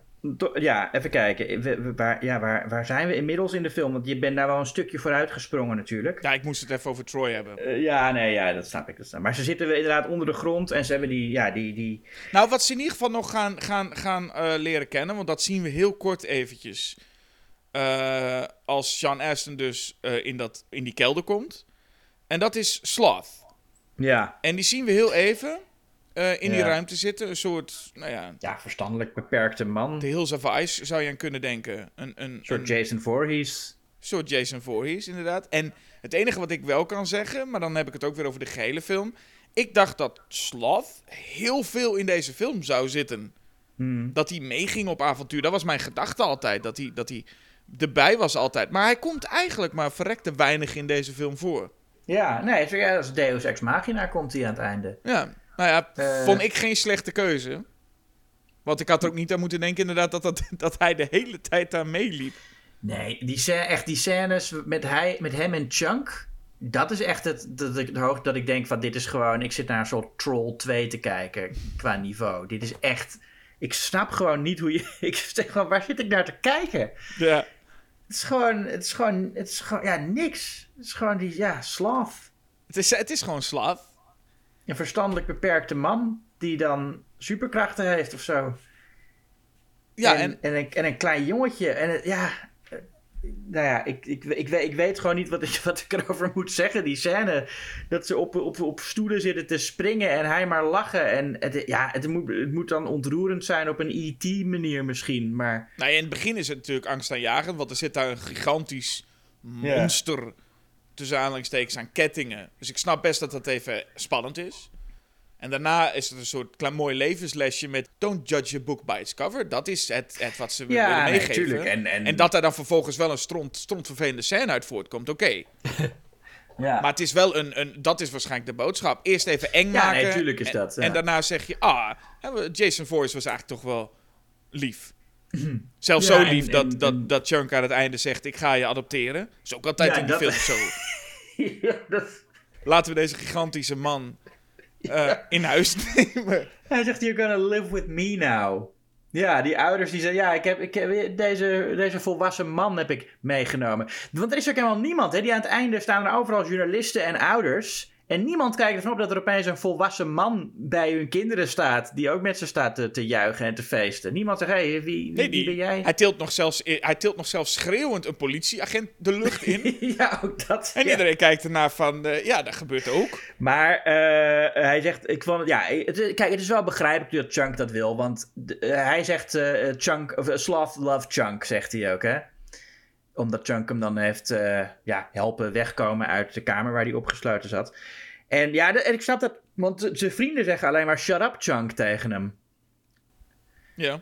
Dat is ook zo, dat is echt een soort catchphrase. Shut up, chunk. Dan denk je, oh ja, ik weet het. Ik, het natuurlijk, kinderen zijn ook soms wel, eh, wel eh, gemeen tegen elkaar, natuurlijk. Ik Nou, zei zo gemeen ook- is dat toch niet, om te zeggen? Nou, nee, maar het is het, omdat het, het- ik, ik, nee, maar het, ik snap niet zo goed waarom zij met Chunk omgaan, want ze zijn alleen maar negatief over hem. Het is alleen maar shut up, Chunk, en oh, je laat weer wat vallen, wat ben je toch dom. Waarom gaat iemand met een van die kinderen... Waarom gaat een van die kinderen met, met de ander om? Nou, ik snap, ja, ik weet niet. Ik vind dat bijvoorbeeld Mikey en Data wel, dat snap ik wel of zo. Weet ik niet. Die hebben, die, volgens mij hebben die geen eens... eh, volgens mij hebben die Data en Mikey hebben toch geen enkele scène met... Volgens mij wisselen die geen woord uit naar elkaar. Mouth Nee, ze schreeuwen wel. Ze Ze- schreeuwen wel eens door elkaar heen. ze schreeuwen wel eens door elkaar heen. Maar, en Mouth is de hele tijd gewoon iedereen aan het, aan het irriteren met zijn Ja. Nou ja, En Chunk zit er doorheen, waarbij ik denk, ik snap best dat ze dat roepen. In principe is het gewoon vooral hypocriet, want tegen iedereen zou gezegd moeten worden, shut up. ja. Oké, Ja. het, het is een vermoeiend stelletje bij elkaar. Ja, zeker eh, als, als Mikey die, eh, die toespraak onder de wensput geeft. ehm, dat hij een soort de, de motivational speech Ja, van... eh, dan zit hij ook tegen... En dan, ja, we moeten toch ook doorgaan, want we zijn toch ook Goonies. En die ene, die Andy dus, hè, die dus met Troy zou gaan... eh, en die gezegd had, ja, maar ik ben helemaal geen Goonie. Zelfs die raakt overtuigd door Mikey's... eh, ja, wat, wat is het? Hij, eh, hij- wat, wat zegt hij nou helemaal? niks. Wij zijn Goonies en we, en we moeten dit doen. En Goonies never say die. Ja, Nou ja, nou ja. maar goed, nee, zij voelt zich toch verbonden. En zelfs haar vriendin Stef voelt zich eh, genoeg verbonden om, eh, om toch mee te gaan. Ja, ik denk dan, weet je, je, je, er zitten drie levensgevaarlijke criminelen achter, achter je aan. Je zit in een grot vol met booby traps. Je hebt net bovenaan die, die, die put. Ja, het zijn weliswaar klootzakken, maar goed, toch mensen. Je kan ze op zijn minst vragen: hey, wil je de politie even bellen? Mhm. Maar dan omdat een kind zegt: nee, want we moeten die schat vinden, ga je alsnog gewoon je leven riskeren. En is dit nou voor, dat weet ik niet meer zeker. Is het nou voor of nadat ze die ene vent ook dood hebben gevonden? Uh, Chester, Chester Copperpot, die dan dood ligt. Ja. Ja, ja nee, die, die hebben ze al gevonden op dat moment. Ja, dat is nee, want wat. dat zegt hij dan namelijk: van nee, hij is dood, maar wij zijn verder gekomen dan hij. Ja, precies. Dus je hebt ook al gewoon daadwerkelijk iemand die vermist is, ligt daar dood. Ehm, extra, Ja. extra. De een zegt als motivatie, nou, dan zijn we in ieder geval verder gekomen dan diegene. Maar dat je inderdaad allemaal denkt, ja, je hebt wel gelijk. En niet, joh, er is iemand dood gegaan. ja, ja. Zullen we anders even... Ja, Ja. nou ja. Goed. Dan eh, krijg je eh, kort daarna heb ik hier staan wc. Ehm dat moment dat ze, dat ze dus gaan zeggen van nou dat is de, de, de meidentoilet en hier is het jongenstoilet. En dan gaan ze allemaal meteen naar de wc, staan ze allemaal te pissen, Ja. die, alle jongens. En dan roept Andy, dit, en dit is ook een van de meest frustrerende scènes uit de film vind. Oh, ik weet welke komt. En dit is inderdaad, dit is echt heel, heel... Alles, alles wat er gebeurt, Dit vind ik heel klote deze, ja. dat, ja, Andy roept Brand en zegt, hey, eh, ze zegt eerst roept ze Brand, Brand. En dan zegt Brand, vind ik ook al heel raar, hey, eh, Mikey, ga eens even kijken wat ze van me wil. Dus jouw, het vriendinnetje, het meisje waar jij op verliefd bent, roept jou. Maar hij is dan opeens een soort de, de stoere vent geworden. Die, die verder helemaal niet, of de, niet de stoere vent, maar hij is opeens een beetje de ongeïnteresseerde klootzak geworden. Die die verder helemaal niet is naar haar. Hij wil haar juist. Maar dan roept ze zijn naam en dan zegt hij tegen zijn kleine broertje: Nou, ga jij eens even kijken wat er aan de hand is met haar. Precies, ja. En dan gaat hij en dan zegt ze van... Nou, ik ben op je aan het wachten met mijn ogen dicht. Waarom? Dat- Je, je roept iemand, ik, doe, ik, ga, ik ga even mijn ogen dicht doen. Nou, ja, oké. Hij komt daar. Zij denkt dat het Brand... Hij zegt helemaal niks, maar zij denkt... Oh, ik hoor iemand binnenkomen. Ik heb mijn ogen dicht. Hij zegt niks, maar het zal wel Brand zijn. Want die heb ik geroepen. En ja, ik ga niet helemaal mijn ogen open doen. Kom op, ik heb ze nou al dicht gedaan. Ja. Dus kom hier, meteen een kus. Ze voelt een beugel. En zegt dan van, nou, ik wist niet dat je beugel had. En, dan, en dan zegt ze ook nog eens, dan is, is, gaat het jongetje weer weg. Ze heeft al die tijd gewoon haar ogen dicht gehouden. En dan zegt ze tegen Stef, hey Stef, pas op, er zit hier volgens mij een gat. Volgens mij stond Brand daarin. Dus dan denk je van, oh, hij, is een, hij, hij was een kop groter dan mij. Nou is hij opeens een kop kleiner. Nou ja, hij zal wel in een gat staan dan. Dat is de enige logische verklaring. Dus hij heeft opeens hij heeft een beugel en hij staat in een gat. Ja. En dat allemaal. En wa- waar is dat goed voor? Allemaal alleen maar zodat een, een jongetje van 12 een meisje van 17 zoent. Dat is het enige wat ze dan willen bereiken. En, en, en het is echt een, een, een reeks Dit- dit- compleet onlogische beslissingen. Echt elke. Echt, het zijn tien onlogische beslissingen nodig om ze naar dat moment te krijgen. Ja, en dat is het probleem vooral met deze film. Want ik denk hier, je zou inderdaad een reden kunnen bedenken waarom eigenlijk. Nou, misschien is het dat inderdaad al die 12-jarige jochies in het eh, publiek dit wel even willen zien. Een kus van een 17-jarige, hoe? Daar worden ze Ja. wel warm van. Oké. Dus ik denk dat dat dan het moment is dat iemand op tafel gooide, we moeten zoiets hebben. Maar dat je dan dit verzint, dit is het eerste wat in je hoofd dan opkomt, geloof ik. En dat er dan niet iemand eh, eh, Richard Donner, Spielberg, eh, Kathleen Kennedy, Frank Marshall. Niet de minste dat één van hen niet zegt... Ja, maar jongens, dit is toch fucking dom wat jullie nu hier hebben staan. Zo geforceerd. maar allemaal zeggen ze... Ja, eh, lijkt me een goed idee. Ja, nee, en, en, en ook nog het feit dat als, als Annie er dan achter komt, dan vindt ze het ook alleen maar leuk. En dan zegt ze ook tegen Mikey van, nou, je kan, als, als, jij, als jij zo doorgaat met zoenen, dan kom je er wel. Alsof, alsof een 16-jarig meisje zo zou reageren als ze erachter komt dat ze het kleine broertje van haar vriend heeft gezoend. Ja.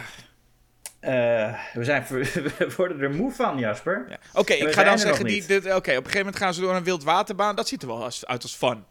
Ja, Ik bedoel-. Een glijbaan, ja. Ja, nee, maar goed, ik bedoel, als je dan toch over een avonturenfilm hebt... en je hebt even over Richard Donner...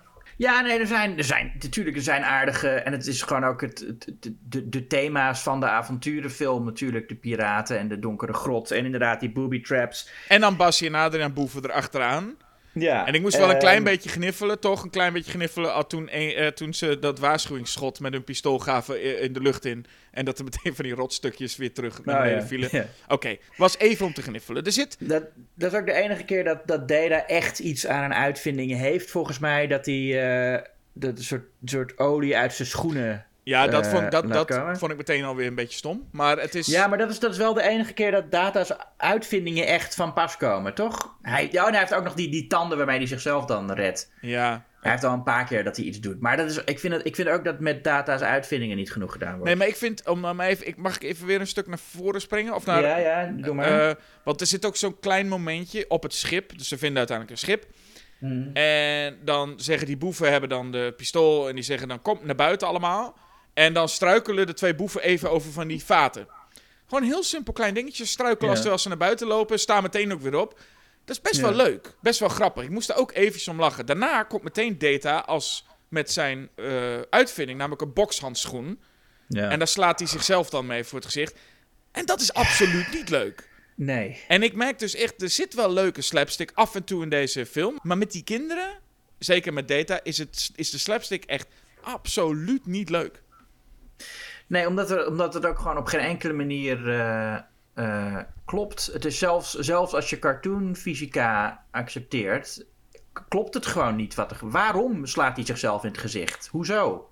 Nou, Weet je wel, die, die bokshandschoen gaat er gewoon naar voren. Er moet toch een reden zijn? Het is toch niet alleen maar van, ja... Nou ja. Nou ja, en ik wil nog eventjes naar het moment dat ze een liedje moeten spelen. Ehm, je hebt die op die piano. Op die piano. Ja, dan zijn ze... Ze zijn dan ergens, hebben weer een, een, een, een clue van eh, One-Eyed Willy gevonden.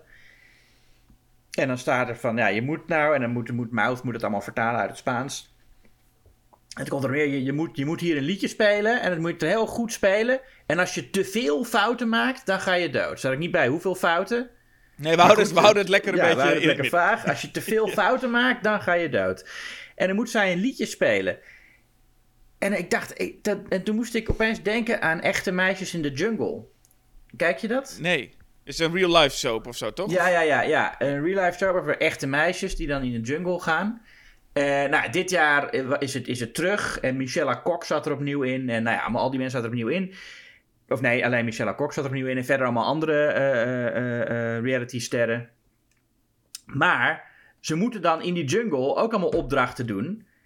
Die vaak helemaal niks te maken hebben met dat ze in de jungle zijn. Dus dan staan ze daar gewoon in het oerwoud tussen de bomen. En met allemaal rare insecten om zich heen. En dan is de spannende opdracht. eh, verzamel eh, letters en maak een zo lang mogelijk woord. Of ze, hebben, of, die, of ze doen ook op een gegeven moment dat ding dat ook in Die Hard with a Vengeance zit. Van dat je een, een, een, eh, een kan water moet vullen. Ja. En dan is het, de kan is dan 5 liter en je hebt een kan van 2 liter. En dan moet je zorgen dat er precies 3 liter in de 5 liter kan zit. Ehm, en dan zit dan, dan moet je, een rekensom hoe je, daar, hoe je daarachter komt. Maar wat, wat heeft dat te maken met dat jullie in de jungle zijn? En nou, dat dacht ik hier. Het zijn gewoon echt compleet arbitraire opdrachten. Die die redactie gewoon heeft gedacht: van ja, dat is wel leuk om die meiden dat te zien doen, toch? En dat is hier ook. Wat heeft dat, dat ze een pianoliedje moet spelen? Wat heeft dat te maken met de plot? Wat heeft het te maken met haar? Want dat is ook weer zoiets van: ja, als het een payoff is, dan moet toch ergens dat piano spelen haar talent is. Maar dat is nooit ter sprake gekomen. Dit is echt alsof, alsof een kind dit geschreven heeft. Een kind dat denkt van, nou ja, wat zou een opdracht kunnen zijn? Eh, nou, piano spelen. Ja, en moet je gewoon goed piano spelen. Als je niet goed doet, dan, dan valt de vloer weg. En ik snap wel dat, dat arg- de verdediging dan is van, ja, juist dat het zo kinderlijk is, maakt het leuk. En maakt ook dat kinderen het, eh, het leuk vinden. Maar ik accepteer dat niet. Want ik denk dat, dat het ook. Je, je kan ook iets maken dat op die manier leuk is voor kinderen. Terwijl het ook gewoon echt een goed geschreven plot is. Nee, dit is gewoon een, een, een dartboard. Met Ja. allemaal ideeën aan de muur. We gooien het erin en we denken, nou, dat komt wel goed. Het doet natuurlijk denken aan eh, Last Crusade. Hè, waar, waar ze ook van eh, eh, raadsels moeten oplossen om, om, om die grot door te komen. Maar daar zijn het dingen waarvan wij weten dat Indiana Jones weet hier wat vanaf. Weet je, en wat is het van. van en, en zijn vader ook. Van Bijbelteksten en Latijn. En ik weet, ja, ik weet niet wat precies die opdrachten zijn. Maar het zijn wel dingen waarvan we al weten dat Indiana Jones er wat vanaf weet. Nou, nee, dit had alles, elk moment, alles kunnen zijn. En dat voel je ook. Het had, Ja. die, de, vervang het orgel door wat dan ook anders. En het is prima. En je ziet mensen een beetje... Je snapt er ook helemaal geen hol van wat ze nou precies aan het doen zijn. Je ziet gewoon... eh, Als het een ander soort apparaat was geweest... Je drukt op een paar knopjes. Er staan een paar kinderen heel druk omheen te doen en te schreeuwen. Een paar keer zie, hoor je... "Uh", en er valt iets. En je Het pa- is ook echt... Wij zien er ook helemaal niet waarom het wel of niet goed gaat. Het is gewoon, oh, je hebt de verkeerde toets ingedrukt. Nee. Nou, leuk. Ja, maar je weet niet wat de bedoeling is. Je snapt het zelf niet. Het is gewoon, je wacht net zo lang en je hoort af en toe... "Uh", en dan zie je iets wegvallen. En af en toe zie je... te doen. En dan zakt een, een, een, Ja. een ding naar beneden. En denk je, nou, dat zal wel. Ik, nee, ik neem Ja. maar dat het wel goed komt. Zo.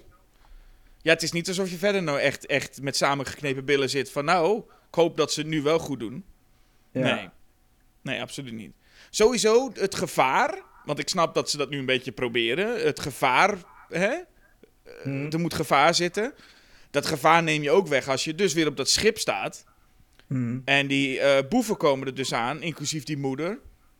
Eh, en dan gaan ze die kinderen eens even dwingen om over de plank te lopen. Hè, dat is heel Ja. piraatachtig, walk the plank. Vervolgens worden de twee personages moeten over die plank lopen, flikkeren naar het water. En is het, oh nee, dat is het heftigste wat kan gebeuren. Daarna moeten ze met z'n allen ontsnappen. En het alle, wat ze allemaal doen is over die plank lopen en goud water in. Ja. Nee, maar, ze- maar ze zijn wel vastgebonden. Die, eh, die twee die van de plank moeten. Dus dat Ja. is wel, ze zouden dan niet kunnen zwemmen. Dat is het idee. Van dan gaan ze wel verdrinken als ze, als, weet je wel. Dus, eh, Als ze vastgebonden zitten. ja. Maar het is wel zo dat het gevaar, natuurlijk, die boeven willen ze dood hebben. Maar dat wordt inderdaad voortdurend ondermijnd door de stomzinnige slapstick. Ja, en die moeder wordt dan op een gegeven moment... En die, die worden dan op een gegeven moment door Sloth ook in het water gegooid vanaf die plank. Dus het lijkt wel Ja. een soort van... Ja, als je, dat, als je eenmaal in het water ligt, dan ben je, dan ben je af. Ja, dan ben je af. Dat is lava. Ja, Maar ja, dan springt Sloth er zelf in en dan... eh, ja. ja. dus dat maakt... En dat is het hele ding. Nou, Het maakt uiteindelijk... Het, het gebeurt een hoop, maar het maakt uiteindelijk geen hol uit. Maar niks uit dat er allemaal gebeurt, joh. Nee. En dan... Ja. Oké, dan zijn ze die grot eindelijk uit. Oké, dit voelt al als een... Als een, als een eh, als een, als een hele lange zit. Maar dan zijn ze die grot eindelijk uit. En dan komen al die ouders erbij. En ik denk dan, hoe lang zijn ze weg geweest? Ja. Want het was toch maar. Het is niet gewoon een paar, paar, paar uur. Ja, nee, hooguit. Maar die ouders die komen erbij alsof ze weken weg geweest zijn. Met Ja, ambulance en dekens en waar met chocomel van. Oh, het moet toch heftig voor jullie geweest zijn dat Ja. jullie nog in leven zijn. De krant is er ook bij. Ja, ja, ja, en al die ouders zijn ook allemaal, echt, die zijn er ook allemaal meteen. En, eh, en eh, dan zien we ook eh, Dela's vader, Ja, die ook een uitvinder is. ja. En wat hij heeft uitgevonden is echt, dat zie je ook wel, nou, dat, ik denk dat Dela, z- zijn uitvindingen zijn niet goed, maar hij overtreft wel echt zijn vader. Want dat, dat is, hij heeft gewoon een camera die op zijn buik zit en die springt dan naar voren. ja. En dan kan hij er een foto mee maken. Maar dan gaat die camera stuk. ja. Ja, dat is een slechte camera. Maar, de, maar wat is de uitvinding daar? Wat is de uitvinding? Geen idee. Nee, het is ook geen goede uitvinder. Nee. Nee. En eh, nou, dan hebben we nog... Data zelf zegt trouwens dat hij de octopus eng vond. Ja, dat is, dat, er zit een, een, een, een scène... Er zit een verwijderde scène in, dus die zit er niet in. Maar die, er is een verwijderde scène... eh, waarin ze met een octopus ook vechten. Oh. En dat, dat noemt Data op het laatst nog. Oh, de octopus, dat was het engst. Maar eh, ja, dat hebben, we, dat hebben wij dus helemaal niet gezien. Oh, ik dacht dat hij op een of andere manier verwees naar dat orgelding. Omdat hij er misschien een beetje uitzag met Oh. verschillende... Maar oké, ja, het zal ook. Maar iedereen zegt zoveel. Dat Ja, het is ook ja, heel ja. wat dat je echt gaat opletten wat iedereen zegt. Dat is ook het ding. Want je hebt het over die Joodse opmerkingen dus, hè, van, Mhm. van Chunk. Ja, Maar dat heb je dus niet door. Maar dat is niet heel gek, want er wordt zoveel geroepen. Dat houdt maar eens ja bij. alles door elkaar heen. En, maar ook die tieners zijn op het einde praten ook gewoon als kleine kinderen. Want die zeggen, er is zo'n journalist en die vraagt wat is er gebeurd. En dan zegt, zegt Dela van, nou, de octopus. En dan zegt Stef of zo, zegt dan van, eh, oh, ik vond de plank, de plank het engst. En dan zit die journalist er, oh, de plank? Wat, wat, waar heb je het over? Ja. Dat is sowieso, waarom is die journalist daar? Maar goed, wat ik nog, nog echt diehard vond, moest ik wel gaan lachen, is dat die, zelfs die lui die die handtekening willen, die komen zelfs ook naar het strand toe. Ja. Dus die willen een handtekening van die vader. Die zeggen, nou, het is nu wel mooi geweest, meneer. Ja, en dan, nou ja, eh, dan moet die handtekening moet op, op zijn rug gezet worden. Ja? En dan heb je, en dan komt eh eh eh Mikey er opeens achter dat de diamanten, die zaten al die tijd in zijn knikkerzakje. Weet je nog, dat knikkerzakje dat hij altijd bij zich had, waar hij, waar hij zoveel over praatte? Daar zaten die diamanten in. Nee. Nee. Nee. Wat, wat is de, waar komt dat knikkerzakje opeens vandaan? Ja, oh, ik heb. Dat is, dat is, ook, dat is, dat is ook gewoon wat een kind dan verzint. Van, Nee, maar, ook, nee, maar even, even een stap terug. Want Ja. Voor die tijd is het nog allemaal super sad. Hè? Dus het is allemaal leuk. We, zijn, we hebben het overleefd. Jij even een kwartier in zo'n grot geweest. Iedereen, alle ouders blij. Maar dan ehm, eh, begint toch, komen die toch die lui op het strand. Oh jee, daar zijn ze. Handtekening zetten. En dan begint dus meteen Mikey weer. Die begint meteen heel depressief. Meteen, oh, het is toch allemaal voor niks geweest. Het is allemaal voorbij. Maar waarom zegt niemand... Jongens, een paar meter verderop is een schip...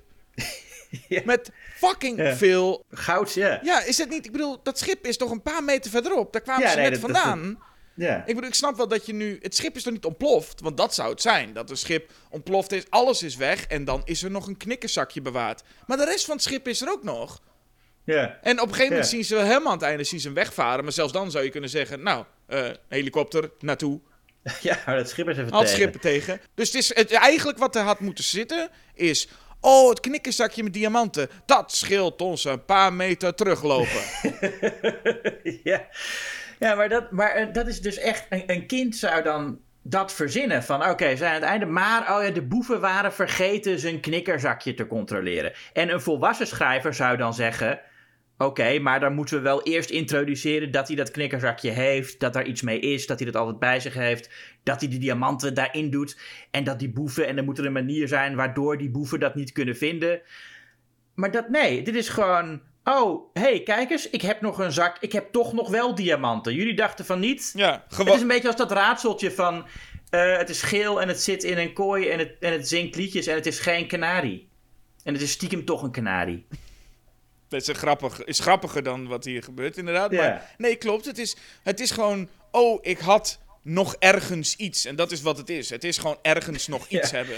In principe alles. Iedereen, iedereen had het kunnen hebben, die diamanten. En het had overal verstopt kunnen zijn. Als Sloth het ineens uit zijn reet had gehaald, had iedereen nog steeds kunnen denken van... waarom niet? Nou, dat was, dat was logischer geweest. Ja, precies. Nou, dan heb je nog het afscheid van Mouth en Steph. Waar opeens blijkt dat er een soort romantische eh, spanning is. Wat, waar ook eh, heel weinig van te merken was. Ja, die mogen elkaar dan... eh, nie- niemand mag elkaar en die zit de hele tijd op elkaar een bitchen. Maar op een of andere manier moeten we aan, die, aan het afscheid bedenken dat zij elkaar echt niet mochten. Ja, nee, ja, nee, dan zeggen ze van, nou, maar je bent toch, je bent toch wel mooi en oh, je bent toch wel leuk. En eh, nou lijkt het even alsof daar ook een meisje van 17 en een jongen van 13 die opeens aan het flirten zijn. Ook, eh, ja, ook raar, lijkt me. Ja, maar ik vond het wel een leuke conversatie nog wel tussen die twee. Ja, oh nee, nee, dat is en ook wel mooi gespeeld hoor, trouwens. Ja. Corey Veldman doet daar wel, goed. Maar op een gegeven moment met die wensput is het ook zo'n moment waar Corey Feldman even mag acteren, maar even, even zich mag laten zien. Als hij, volgens mij is het Andy die zegt, nee, we kunnen die muntjes niet stelen, want dit zijn wensmuntjes en die hebben mensen erin gegooid. Het zijn hun wensen. Oh ja. En dan wordt hij ineens heel emotioneel en dan zegt Corey Feldman van, ja, maar dit was mijn muntje en mijn wens is niet in vervulling gegaan, dus ik neem hem terug. Dan denk je, wauw, dit is wel mooi gespeeld. Hier zit volgens mij echt een heel diep iets of zo. Hmm. Maar ik heb geen idee wat het er verder is. En er wordt ook verder niet, wordt er niks mee gedaan. Maar ineens... Nou zijn, zijn, wens, zijn wens, dat zou dan ook moeten zijn, denk ik, dat hij dat, dat hij nog daar bij de Goondocks kan blijven wonen. Ach nee man, dat interesseert hem helemaal geen reet. nee, nee, maar dat, dat zou het, dat zou het moeten zijn. Nee, volgens mij is hij door zijn, zijn ouders mishandeld. Zo klinkt het. Zo speelt hij het ook. Hmm. Het boeit hem echt geen zak, die hele... Ja. Dat is alleen Sean Astin boeit dat. Die woont er waarschijnlijk in zijn eentje nog. De rest is allemaal... Over, over 15 jaar is iedereen daar weg. Te... Ja. Weet je nog, de Goonies? Ja, ja. Ja, flikker, Ja. flikker op, man. ja, en dan gooit Mikey ook nog even zijn inhaleerder weg aan het einde. Want dat was blijkbaar ook al die tijd... eh, was die astma alleen maar psychosomatisch of zo? Ik, weet- ja, dat astma dat zat gewoon tussen zijn oren. En die inhaleerder heeft hij eigenlijk helemaal niet nodig. Die Nou, kan hij gewoon... eh, nou, hij gooit, hij gooit hem toch over zijn schouder. Maar als je ook ziet, als je ook ziet hoe hij dat puffertje gebruikte... Meestal gebruik je die volgens mij, als ik het goed heb, bij als je even ademproblemen hebt. Maar hij lurkt daar dat ding gewoon tussen, tussen gewoon normaal. Alsof je een sigaret opsteekt. Ja, nee, ja, dat doet hij inderdaad. Ja. Maar in elk geval weet ik wel dat het een beetje onzin is. Dat je aan het einde zegt van, oh, ik heb nou dit allemaal meegemaakt. Weet je wat, Eh, ik, ik heb dit niet meer nodig. Nee, nee. Maar het is en ook nog omdat hij... Het idee is dan van, oh, nou heeft hij dit geleerd. Hij heeft nou iets geleerd. En daardoor heeft... Maar wat heeft hij dan geleerd? Hij was vanaf het begin al zeker van dat hij, dat hij die schat wilde vinden. Dat het ging lukken. En aan het einde is het, is het hem gelukt. Hij heeft helemaal niet zijn zo onzekerheid ont- overwonnen. Want hij was nooit onzeker. En nie- niemand van die personages heeft iets geleerd. Ze zijn geen van allen veranderd. Ze hebben geen onzekerheden overwonnen. Ze hebben geen angsten overwonnen. Ze, hebben geen, ze zijn niet dichter tot elkaar gekomen. Het is gewoon dezelfde groep. En uiteindelijk gooit hij ze inhaleerder weg. Maar Sean, nee, maar goed, dat is het toch? Sean Astin mag blijven, mag blijven wonen. Dat is het hele ding. Ja, Pro- dat, dat, dat, daar zijn ze in geslaagd. probleem maar in het ja. begin, Sean Astin moet verhuizen. Probleem aan het einde, Sean Astin mag er waarschijnlijk blijven wonen. Ja. Eh, en waarschijnlijk heeft dan iemand in het script nog onder gezet. En heeft ook geen astma meer, punt. ja. Nou, Ja. dat is toch extra mooi? Ja, die astma was, had, was, had je ook helemaal, helemaal weg kunnen laten. Normaal gesproken denk je ook van ja, personage met astma. Nou, dan gaat er een moment komen dat hij zijn inhaleerder kwijt is en, en buiten adem raakt. En dit, nou ja. Ja, maar als je, dat, als je dat ook hebt, haal dan ook af en toe adem tussen je zinnen door. Ja. Dat is ook maar één advies. Maar goed, het is... Nou ja. ehm, nou, het is toch mooi, wel. Sloth komt bij, eh, bij, bij Chunk wonen. ja. Sean Astin leeft nog lang Nou. en gelukkig eh, in, in Goonieland. Het is echt ongelooflijk. En ik, ik denk niet dat er ooit een film is geweest waarbij we zo erg op de details van het scenario hebben ge, ge- gezeurd. Hmm. Maar dat is omdat het gewoon echt een, een incapabel gemaakte film is. Maar het is nog niet eh, voorbij, de ellende. Nee. Nee, ik heb wel een hekel aan Hoek. Ja. Nou, ik niet. En, en Spielberg, je weet wel, van ja, Goonies, Ja, ja. die zit nu eh, aan het roer. Ja, maar we moeten wel. eh, kijk, ik vind. ehm, er is nooit. In technisch opzicht is er nooit een betere regisseur geweest dan Steven Spielberg. Er zijn wel regisseurs die even goed zijn. En er zijn natuurlijk regisseurs die artistiek interessantere dingen gedaan hebben. En er zijn veel betere films gemaakt dan, dan die van hem. Maar puur als het aankomt op technisch, eh, eh, film, filmisch een verhaal vertellen, is er nooit iemand geweest die Spielberg heeft overtroffen. Ja, maar elke regisseur heeft ook een misser. Zeker, ja, dat, eh, dat hoort er ook bij. Ja. Maar je ziet, ik vind dat je ziet in Hoek nog wel dat Spielberg Spielberg is. En je ziet in The Goonies niet dat het van Richard Donner is. Oké. Dat is mijn, mijn eerste statement. En zeker het eerste half uur van Hoek, wat ik gewoon heel sterk vind. Het is eigenlijk pas als ze naar Neverland gaan dat de boel de mist in gaat, wat mij betreft. Oké, ik trap even af, hè. Weet je waar ik een ongelofelijke hekel aan heb? Dat is Nou. algemeen. Nou. Waar ik echt een ongelofelijke hekel aan heb. Ik heb een ongelofelijke teringhekel aan het cliché... Mijn vader werkt te hard. Ja. En dat is waar we in de jaren 90, jaren 80 en jaren 90 zo, zo mee bezig waren. Ja. Eh, hoeveel films zijn er niet waarin zo'n kind tijdens een, laten we zeggen, honkbalwedstrijd, nadat, eh, of, of, of tijdens een schooluitvoering, naar dat ene stoeltje kijkt. Vader is er niet. Mhm. Vader werkt altijd. En het is zo'n vermoeiend cliché. Wat hier natuurlijk, nou ja, dit is, dit is, dit is een soort van, van het schoolvoorbeeld van dat cliché. Mijn vader was er niet tijdens mijn honkbalwedstrijd. En nu haat ik alles en de hele wereld en huil, huil. Ja. Mijn Nee, god. Ja.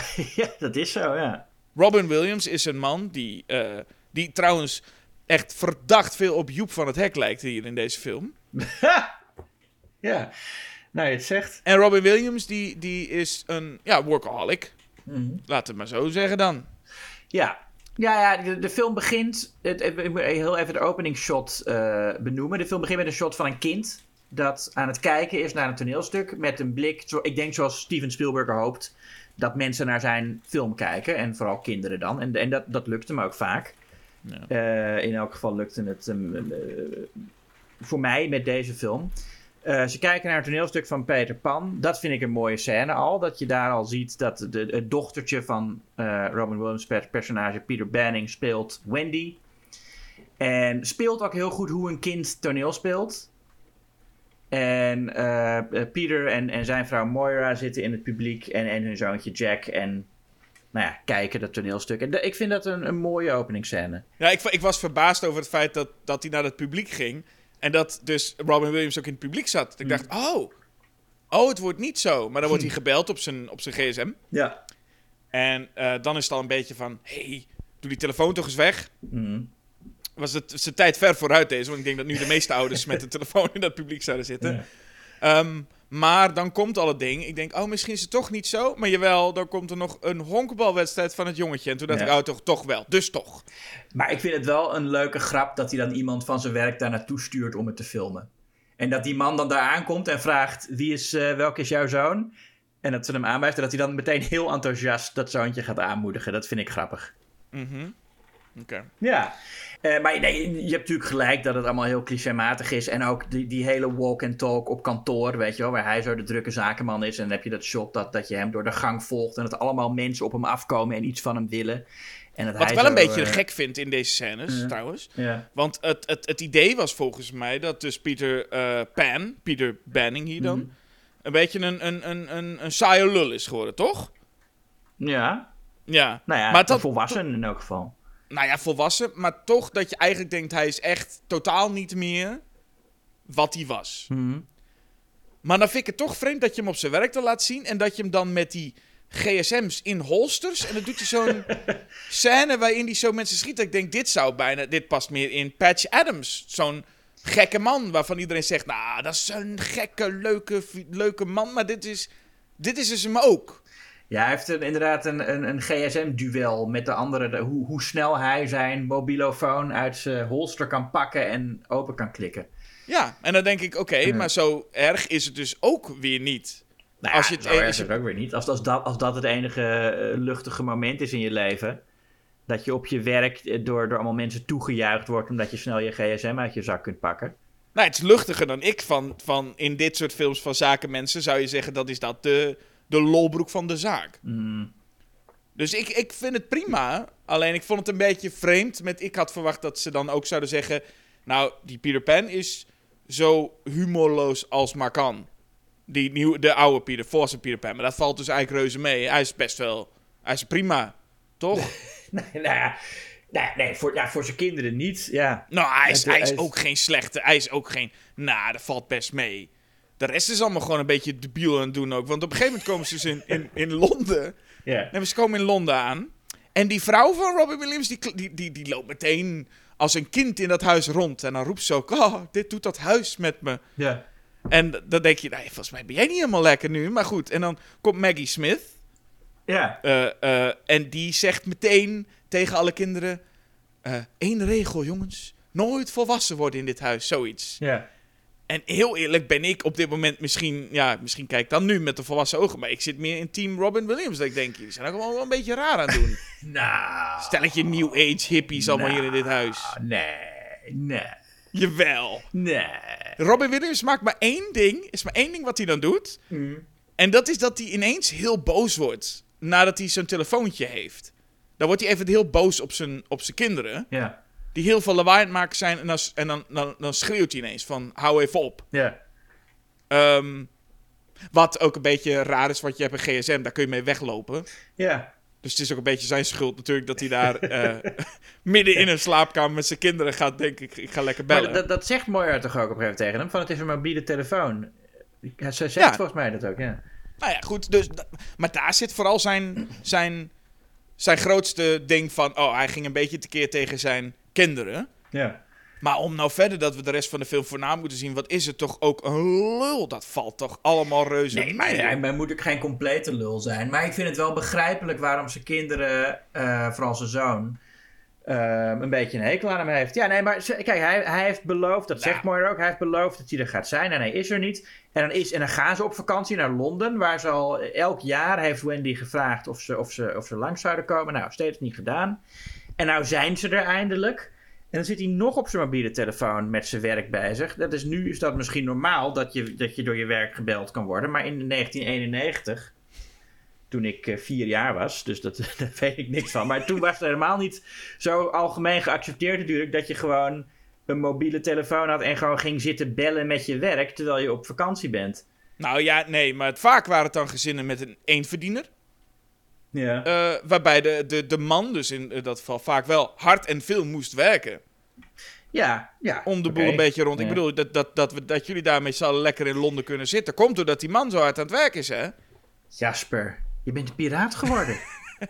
Nou, ik vind vooral dat dat zoontje echt wel een beetje irritant aan het worden is met zijn... Oh, mijn vader, is zo slecht. Dan denk ik, nou, even, even, even chill. Ik vind het wel maar redelijk meevallen. Het En, gaat maar er hij, en hij wil ook alle fantasie overal uitslaan. Hij zegt, is het... Dan vraagt zijn dochtertje, is het de echte Wendy? En dan zegt hij, nee. En dan zegt zijn dochtertje, kijk, een leuke bloem, zegt hij. Het is van papier, hè?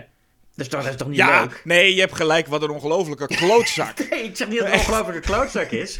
Ik Nee. zeg dat hij een, een saaie, fantasieloze vader. Dat is wat hij is. Ja, oké. Nou, dat vind ik Nou. dus, daarom vind ik het dus extra vreemd dat ik hem met, met die holsters, met zo'n gsm heb zien staan. En denk ik, dat vind ik nog vrij fantasierijk voor een fantasieloze man. Maar goed, Nou, dat is gewoon, dat is gewoon kantoorhumor, Jasper. is het wel zo, en dat valt me in deze film sowieso ook op, er wordt meteen eh, de levenslessen, het komt er meteen uit, hè? Ook Mhm. echt binnen een kwartier is de grote les van de film al, en ik, ik dacht dat spaai altijd een beetje op, maar echt, in, na 15 minuten staat vrouw, man aan te spreken met, hey, je mist het leven van je kinderen, hè? Ja, Je mist alles. ja. En dat is prima, maar toen dacht ik, moet, je, moet, dit niet, moet dit niet iets zijn wat hij echt na een hele lange film, want het is een lange film, moet hij die, dat niet een soort van dan ontdekken? Maar hij hoort hier eigenlijk al eigenlijk wat er mis is. Oh, ja, je hebt gelijk. Ja, hij hoort het nu, maar hij moet nog een manier vinden om het ook waar te kunnen maken. Nee, maar hij neemt het wel serieus. Het is niet alsof hij dat, dat echt zegt. Nou, zeur niet zo, man. Dat gaat. Nee, nee, Nee, hij, is hij, waar, hij, dat is waar. ja. hij neemt het serieus. Dus eigenlijk had de film daar ook kunnen aflopen met. Ah, je hebt gelijk. Einde film ongeveer. Maar nee, we hebben nog twee uur te gaan. Ja, maar dat, dat weet je al vanaf de eerste vijf minuten natuurlijk, dat dat het gaat zijn. Maar het is Ja, maar, wel- nou, maar nee, maar nu hij- wordt het ons ook hij, verteld. Hij, hij weet het nu, hij weet het nu. En, maar nou moet hij, en nou krijgt hij meteen de kans om het ook te bewijzen dat hij het weet. Als hij zijn kinderen eh, uit Neverland moet gaan redden. Want dat is wat er gebeurt, hè? Ja, dat, dat is wat er gebeurt. Het is wat. Zal je gebeuren. Ja, nou, want wat er namelijk is, het is eh, de- de- eh, Peter Pan is natuurlijk volwassen geworden, is het idee van deze film, wat een, op zich een, een eh, tot de verbeelding sprekend concept is, wat als Peter Pan volwassen wordt. Ehm, op, toen Wendy dus al best wel oud was, is Peter Pan, heeft hij besloten dat hij in Londen wilde blijven en met Moira wilde, de kleindochter van Wendy. En toen heeft Wendy hem dus als, eh, als weeskind opgevangen. Want zij heeft, zij heeft dan een, tehuis voor kinderen. eh, eh, een, weeshuis heeft ze toch? Ja, ze heeft gewoon een weeshuis. Eh, nou, Maggie Smith is dan Wendy. En die heeft dus vroeger Peter Pan als weeskind in huis genomen. Nou, en toen is hij volwassen geworden en hij herinnert zich niks van voor zijn twaalfde. En Maggie Smith, de, die is stokoud. Eh die is namelijk eh, eh, 57 in deze film. Maar ze, Ja. ze, dat dat dat 57, maar ze speelt echt iemand van eh, in de 90. Ja, En- dit is volgens mij het, het, het Max van Sydow uit The Exorcist Ja, effect. Dat je ja. op een gegeven moment, na zoveel jaren later, is degene pas zo oud als dat je eigenlijk dacht dat hij was. Ja, precies. Maar je denkt, Maggie Smith is altijd al oud. Maar Maggie Smith is nu ongeveer zo als ze eh, hier ook is. En, en het lijkt ook. Ja, heel goed. Dat is het. eh, dat is nog maar afwachten. Maar ze lijkt inderdaad echt goed op. eh, ik, ik, het is geen moment dat ik dacht. ehm, dat het niet. Van, van, oh, dat is niet zo goed gedaan, die make-up. Het is echt eh, 100% overtuigend, vind ik. ja, zeker. Dus dat is al wel één, één goed ding. Maggie Smith's make-up, daar zijn we het over eens. Nou. Ja, dat is waar. Ik heb iets positiefs over Hoek gezegd. Hey. ehm, maar goed, zij moet dan geëerd worden op een, eh, eh, hè, omdat ze zo goed is geweest met een weeshuis. En dan is er een heel ding ter eer van haar. En terwijl zij daar zijn, liggen de kinderen in bed. Wat een doodeng feestje trouwens. Ik weet niet of je het ook had, maar ik heb dan... eh, Robin Williams geeft een speech. Ja. En dan gaan één voor één gaan die aanwezigen soort van staan. Ja. En ik weet niet waarom, maar dat moet iets... Volgens mij moet dat mooi zijn, maar het is echt een fucking angstaanjagend tafereel wat daar gebeurt. Nou ja, Heel- hij, hij wil een staande ovatie voor Wendy. Maar die komt heel langzaam op gang. Meestal is het zo van als, als je zegt van nou, en wie respect heeft. Wat, eh, hij zegt iets van. eh, als, als, als u nou zou willen gaan staan om, eh, om uw liefde en respect voor Wendy te tonen. En dan gaat er één iemand staan eerst. En dan denkt iemand, nou, ja, dan ga ik ook maar staan. Ja, En maar het wordt heel... Duurt het, Het- echt heel lang voordat iedereen gaat staan. Maar het wordt heel awkward gedaan, waardoor het Ja. bijna gewoon een beetje engig is, zoals het gedaan wordt. hè. Althans, dat, dat, dat viel mij op. Maar goed.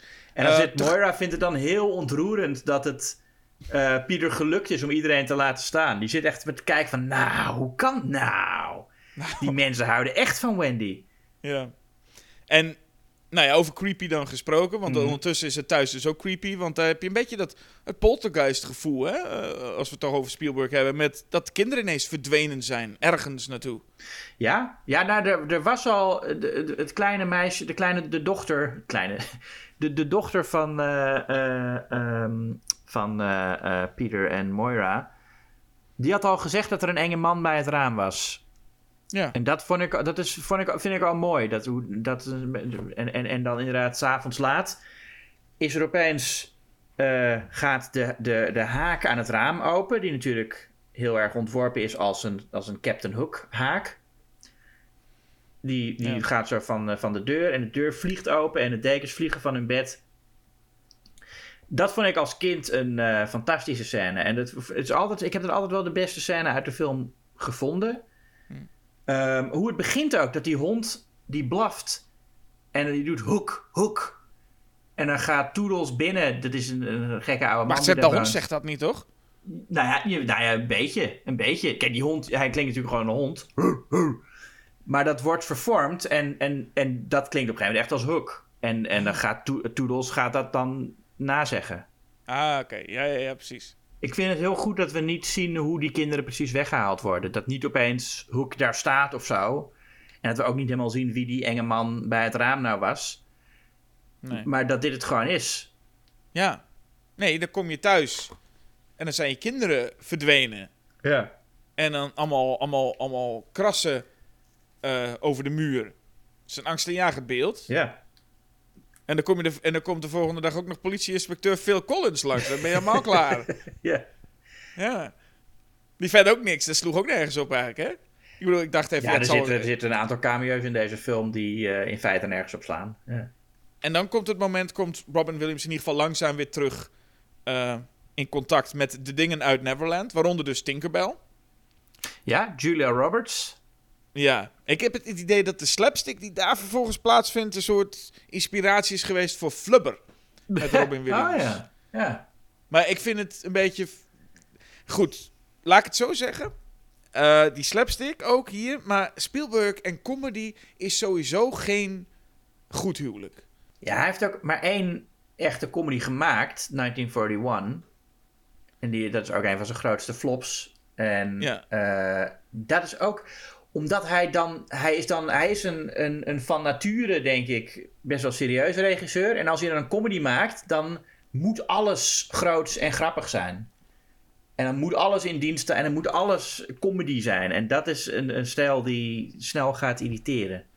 Ja, want hier de, de slapstick in deze film, en dat krijgen we veel, ehm, is ook een beetje kaliber. Robin Williams krijgt iets, eh, eh, wordt in zijn ballen geraakt en krijgt dan Ja. een hoog stemmetje. Ja, Ja, dat is wel echt een, een bedroevend niveau, waar we Ja. bij de, de Goonies kunnen zeggen, maar dat is hier, dat gebeurde in de Goonies niet hoor.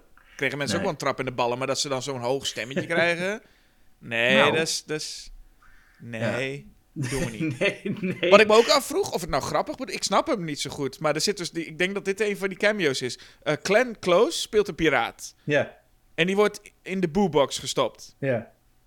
En ik heb geen idee waar- waarom eigenlijk. Ik, ik heb geen idee wat daar gebeurde. Nou, dat was, dat was. We zijn nou opeens helemaal, helemaal daar. Ehm, oh ja, we- ik zat al in Neverland. Nee, klopt. Ik zat, was heel snel naar Neverland gegaan. Maar ehm, eh, omdat ik, ik was die slapstick zat tussen Robin Williams en Tinkerbell. Ik denk, ik wil gauw door. Ja, nee, maar we moeten nog even dat, dat Julia Roberts vind ik wel een van de mindere, minste dingen aan deze film. Dat ik, het is een goede actrice en ze doet het ook niet slecht, maar ik vind het zo'n rare casting. Zij heeft voor mij niet de uitstraling van een elfje. Eh, En sommige mensen zijn gewoon geen elfje. Oké, ik, ik, ik gooi er een schep bovenop. Ze is echt verschrikkelijk. Ze, is echt, ja. ze is echt niet te doen in deze film. En vooral omdat er op een gegeven moment er gebeuren van allerlei dingen. En je hebt de hele tijd van die inserts van Julia Roberts. En die zijn, die vind ik zo Ja. bloedirritant. Maar de hele tijd kijkt ze naar niks. En dan zie je er een beetje stom lachen. Ja, ja. Het duurt een tijdje voordat eh, Tinkerbell eindelijk hem overtuigt mee te gaan naar Neverland. Dat moet ook altijd even lang, lang de held moet overtuigd worden. Dat zit ook heel veel in deze film. Hè? Dat je weet dat hij, je weet dat hij het gaat doen, maar het moet er nog even een uurtje kijken hoe hij overtuigd wordt. Ja. En dan neemt ze mee naar, eh, naar Neverland. Nou, dan komen we in. eh, en ja, wat ik zo stom vind. eh, Londen in deze film. Ik vind echt dat Spielberg erin slaagt om met heel weinig Londen echt als een magische plek te laten voelen. Wat Moira ook zegt dat het is.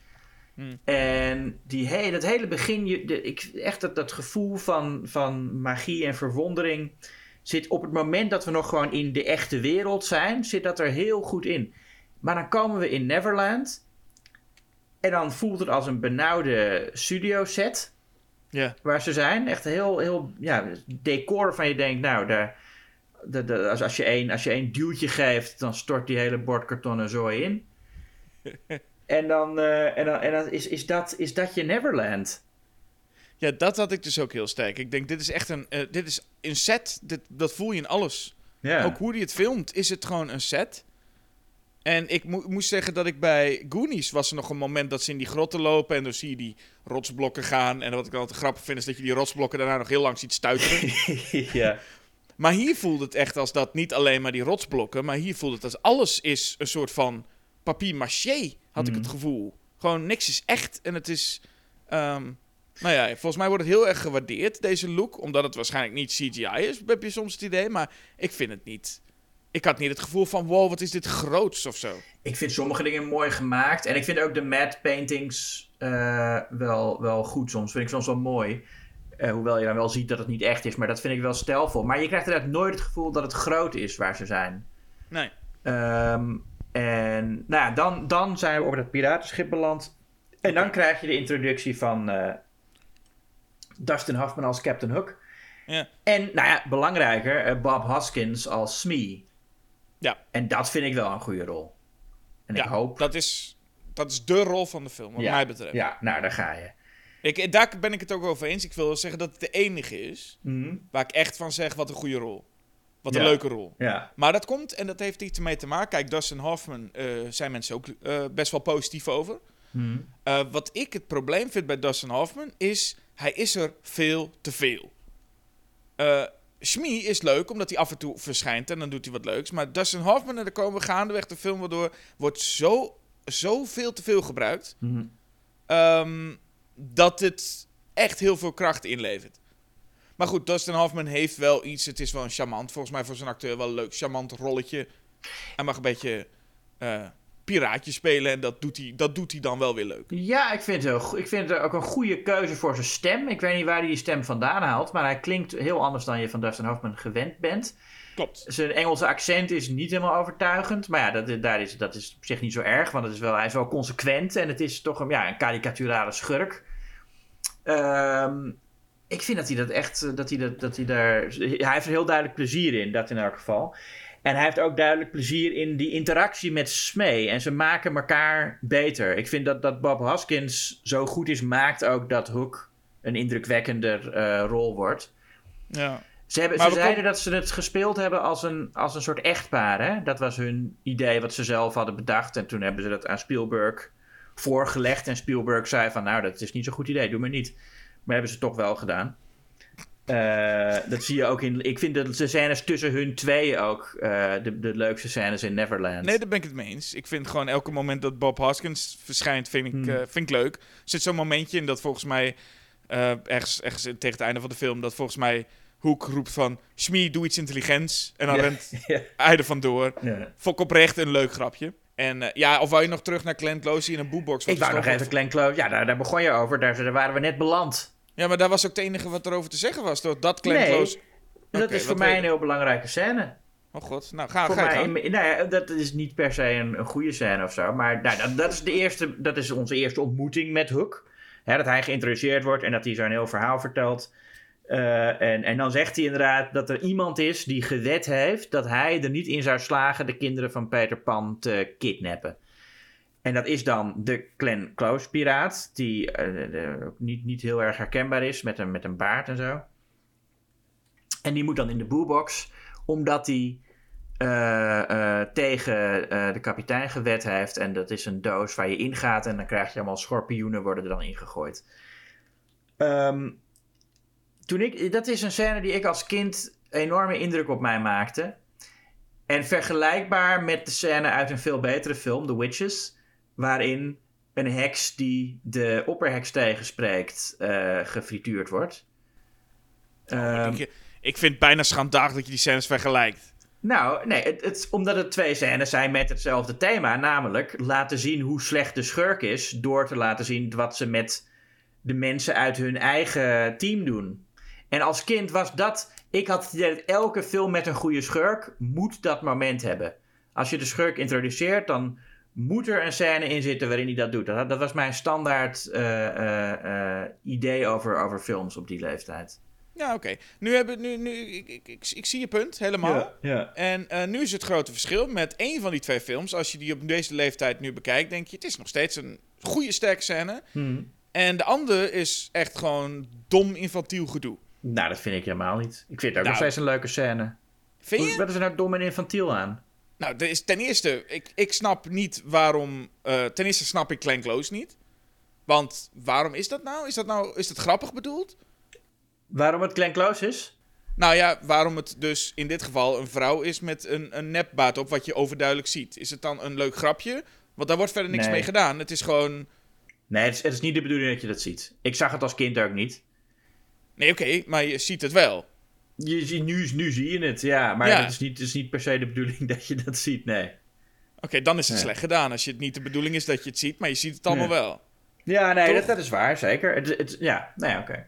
Nee, ik zie het niet, ik zie, ik zie het niet helemaal. En ik vind Hoek ook helemaal geen intimiderende schurk. Zeker als je nu zo'n vergelijking even trekt met, met Angelica Houston en The Witches, Mhm. vind ik, ik... Ik zie Hoek ook heel, ik zie Hoek als een... eh, het, is, het is een komisch figuur. En dat is, ik bedoel, er wordt ook weinig moeite gedaan om, om Hoek echt angstaanjagend te krijgen. Het is dat hij van zichzelf al een haak heeft.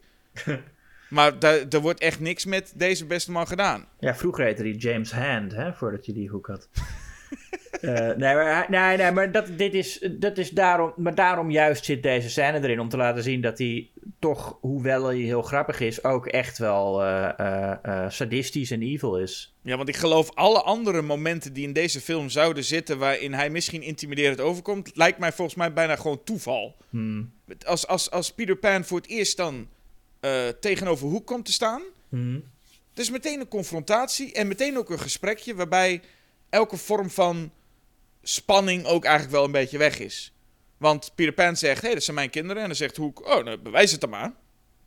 Zoiets Ja. is het, geloof ik, hè? Ja. En ik snap die ook nog niet helemaal. Want Peter Pan moet dus bewijzen. Bewijs maar, vlieg maar. En dan zijn je kinderen vrij als je dat nu bewijst. Ja. Maar dat snap ik niet helemaal. Want hij wil toch juist wraak op Peter Pan nemen. Dus als hij juist gaat vliegen... is het toch juist het teken dat hij dus wel inderdaad Peter Pan is. Dus dan is het toch juist niet goed. Nee, hij wil een gevecht tegen Peter Pan. En dat, dat vind ik ook wel een sterk gegeven. Hij is teleurgesteld dat, dat hij niet de Peter Pan is die zoveel jaar geleden vertrok uit Neverland. Hij is teleurgesteld dat hij niet diezelfde waardige tegenstander heeft. Oh, dus Hoek is op dat moment niet aan het twijfelen over dat het Peter Pan is. Hij zegt gewoon... Dus hij, hij gelooft wel dat... Ik dacht dat Hoek gewoon gelooft van... Dit is gewoon een rare man die ineens uit het niets komt met de Nou, het zou kunnen dat hij dat ook nog gelooft. Maar wat hij vooral niet wil, is dat Peter Pan volwassen is geworden. Net zoals Wendy vindt hij dat gewoon niet, niet oké als Peter Pan volwassen is geworden. Ja. En niet meer dat, dat, dat avontuurlijke, eh, die avontuurlijke persoon is. Ja, dan is er voor hem ook niks meer aan. Maar dan is het toch sowieso niet waar dat op het moment dat Peter Pan daar dan zou gaan vliegen, dat die kinderen dan volgens vrij zijn. Dus dat slaat Nee, dat, dat, dat is ook niet. Maar hij liegt ook. Maar Peter Pan kan het dus niet. Maar nou Nee. is dus twijfel of hij het überhaupt gelooft, hè? Nou ja, hij zegt aan het einde van deze man is niet Peter Pan. Nee. Dus hij gelooft het op dat moment, nee, gelooft hij het niet meer. Of, of denkt hij dat Peter Pan eh, ehm, ja, toch echt zo volwassen is geworden dat, er, dat het niet meer te redden valt. Nee, maar dan geloof ik... Kijk, want er is geen, ook geen herkenning met... hey, jij bent inderdaad Nee, Peter dat- Pan. dat- nee, nee. Dus het is gewoon, als het goed is, gewoon... Er komt een wildvreemde man voor Hoek. Ineens Ja. uit, het, uit de dingen die zegt... Dat zijn trouwens mijn kinderen. Ja. En Hoek is zo overtuigd... Nee, dat is niet zo. Het zijn niet jouw kinderen. En dat is dus aan het einde nog steeds zo. Want Peter Pan, eh Robin Williams, klimt de mast echt in. Mm. Is trouwens ook wat, hè. Je klimt die mast in. Gevaar voor eigen leven. ja. Je, je, je, doet je, steekt echt je hand uit. Je wil echt dat je kinderen dat eh, eh, eh, een hand pakken, want je wil de kinderen redden. En dan roept je dochter... Kom op, papa. Mama zou dit wel kunnen. Oh, ja. dat doet Ja. zeer. Ja, ja, ja. En wat nog veel erger is, dat later zegt het zoontje van eh, eh, eh, Peter, Peter eh, Pan ook tegen Hook... Ja, en mijn vader probeerde het niet eens. Denk ik, die man is helemaal een mast ingeklommen. Ja, Wat een lul ben je ook. Dat Nou ja. met, oh, mijn vader probeerde het niet eens. Ik nou, wat is dit dan? Nou ja, Ondankbaar kreng is dat eigenlijk, hè? Maar ik vind het dus een hele rare toon. Want, Mhm. oké, dit is dus een soort van... Wat hier gebeurt, ik weet niet of het editing ook is... maar er is wat gedoe over die oorlog. Dan een piraat slaat Peter Pan dan in het water. Daar zoent Peter Pan met drie zeemeerminnen. Mhm. Wordt dan ineens uit het niets uit het water getakeld... en komt zo bij de Lost Boys terecht. En ik had hier echt de hele tijd het gevoel... zijn hier nou allemaal scènes weggeknipt? Of wat, wat, wat is dit voor, voor opeenvolging van momenten? Ja, nou, die zeemerminnen die zitten, die zitten, die horen ook bij Peter Pan, dus die moeten er ook even in. Ik denk dat dat dan het idee was. Maar, Maar goed, het is dan van op dezelfde manier geschreven bijna als de Goonies. Met Ja, hier nu. Hier, hij wordt het water Ja, ingeslagen. Hier nu zeemeerminnen. Hier Ja. nu takelen. En ineens is hij bij de Lost Boys. En ik ben kwijt waar we nu allemaal zitten. ja. Maar The Lost Boys is natuurlijk, ja, daar eh, gaan we een groot deel van de film nu zitten. De, de, Ja, dat is wel eh, rough. The Lost Boys, ja. Een kind, eh een van die kinderen. Ik weet ook niet wie het is en wie het zijn. Ik bedoel, dat kan ik nog van de Goonies zeggen. Ik weet wie wie, wie is. Hmm. Hier, een hele hoop kinderen waarvan eentje een minuut lang aan Robin Williams gezicht zit en dan zegt, jij bent Peter Pan. Kijk, dit, is, dit is ook met, met corona in je achterhoofd echt wel een scène waarvan je denkt, oeh, Ja. hè? ja. Dat, je, dat iemand zo een minuut lang in je gezicht zit te vroeten. Oh, wel heftig, ja. Ja, nou ja, maar dat... Ja, nee, ja, oké. En dat is ook wat ik merkte dus, wat ik zei, dat ik die kinderen allemaal niet uit elkaar kon halen. Hmm. Helemaal aan het einde zit dus, staan die kinderen daar nog even. En ineens dacht ik helemaal aan het einde, volgens mij echt een van de laatste shots waarin je de, Goon, eh, de, de, de, de Last Boys nog ziet, Hmm. Dacht ik ineens, verrek, dat lijkt wel op dat jochie uit The Witches. Oh. En, daar is, en daar is hem dus ook. oh. Welke? Wie? Ja, een van die jochies, dus een van die Last Boys, Is. Jason Fisher. Zo. En dan moet jij je dus inderdaad nu ook bedenken dat de film waar jij het nu voor gaat opnemen, die jongen daar heb je dus de hele film naar zitten kijken, Ja. maar je hebt geen idee. Nee. Je hebt geen idee wie die kinderen zijn. De enige van wie je weet wie het is, is, is omdat er een dikke jongen tussen zit. Ja. En ja, ik bedoel, ook in deze film moet een fat joke zitten. Dus het is ook wat dat betreft het, hetzelfde als de Goonies. Hmm. Nou, je hebt, je hebt hem, je hebt die dikke jongen inderdaad. Met, en, en je hebt ook dat kleine jongetje dat aan, aan Pieters gezicht zit. Want ze, er is een soort streep getrokken. En dan zeggen ze allemaal van... als je gelooft dat deze man Peter Pan is... moet je aan de- die kant van de streep staan. En anders moet je aan deze. En het kleine jongetje komt dan als enige... als eerste gelooft hij dat het misschien wel Peter Pan kan zijn. En je hebt natuurlijk Rufio. Ja, De coolste van het... De, de, de leider, de nieuwe Peter Pan. ik ga er even vanuit dat dat ze ook zijn, hè, die jij nu op dit moment kan benoemen. Dat zijn de drie Lost Boys die een soort eigen identiteit. Nou, je hebt ook, ja, je hebt, je hebt, ja, ik weet niet. Je hebt Nee, er ook precies, wel een paar die, waarvan je soms denkt, oh, dat is een beetje jouw ding. Je hebt ook nog zo'n zo'n ander klein jongetje. Oh, die. Ja. Maar goed, eh, nee, eh, dat is wel een, een, een ding. Er zijn er heel veel. En je hebt geen idee wie ze zijn, Nee. wat ze zijn. Het interesseert je helemaal geen hol. Maar goed, akkoord. Nou ja, het is een beetje als, als, als, als je Mad Max Beyond Thunderdome niet zo chill vond, dan is dit echt een, je nachtmerrie, denk ik. ja. Ja, en het is lang vooral. Al, het is gaat zo lang. Al die, alles wat met die, met die, met die Lost Boys gebeurt. Ja, Het duurt maar en het duurt maar. het duurt echt heel lang, ja. Het is, en het is gewoon niet leuk, want het is veel slapstick. En dat, die slapstick is ook niet leuk. En je hebt dus die slapstick, wat dan niet leuk is. En dan van die inserts tussendoor van Julia Roberts. Dus het is echt een heel vervelend stuk. Ja. En dan kom je weer met eh Hoek en die klokken. ja. En dat is ook een belachelijk lange scène en zo warrig ook. Ik snap echt niet wat er met die toon van de film is. Hoek is blij met allemaal kapotte klokken. Ja. Maar dan gaat er nog één klok, doet het en daar schrikt hij heel erg van. Dan ja, laat hij... eh, hij is tegen klokken omdat, omdat het een krokodil is, hè? Ja, dat snap ik. Of althans, dat heb ik later wel begrepen dat dat het Ja. idee was. Maar het is meer dat hij eerst heel blij in die, in die zaal loopt met allemaal klokken die kapot zijn. Maar dan doet er eentje het nog en dan schrikt hij en dan raakt hij helemaal in paniek. Daarna laat hij de zoon van Peter Pan dus een klok kapot slaan. Hmm. Eh, en dan begint die zoon eerst heel hard te lachen. En daarna begint die zoon te huilen. En ik weet niet, het is zo'n wirwar heen en weer. Dat Ik denk, je, je, ik, ik- wat probeer je allemaal te doen? Ja, die scène, ik vind het wel sterk. Hij, hij slaat altijd zijn- woede tegen zijn vader eruit. En dat is eerst fijn, maar aan, maar aan de andere kant denkt hij ook... Ja, maar het is, ik, weet je, ik, ik heb gewoon geen vader, in feite. Ik, ik snap hier geen hol van waar dat nou ineens vandaan komt. Want daarna krijg je dus dat honkbal. Ja. Ze gaan honkbal spelen en dan gaat eh, Hoek even laten zien met... Ja, maar nu laat ik eens even zien wat een echte vader zou doen. Namelijk, die zit erbij. Ja. En dan wordt er ook dan... Wordt die, die, er speelt er ook van die hele sentimentele muziek af als Jack ook zo'n bal eh, slaat. Hmm. En dan denk je alsof, wij, alsof, alsof er ook maar iets van die honkbalwedstrijd afhangt. Alsof er ook maar iets...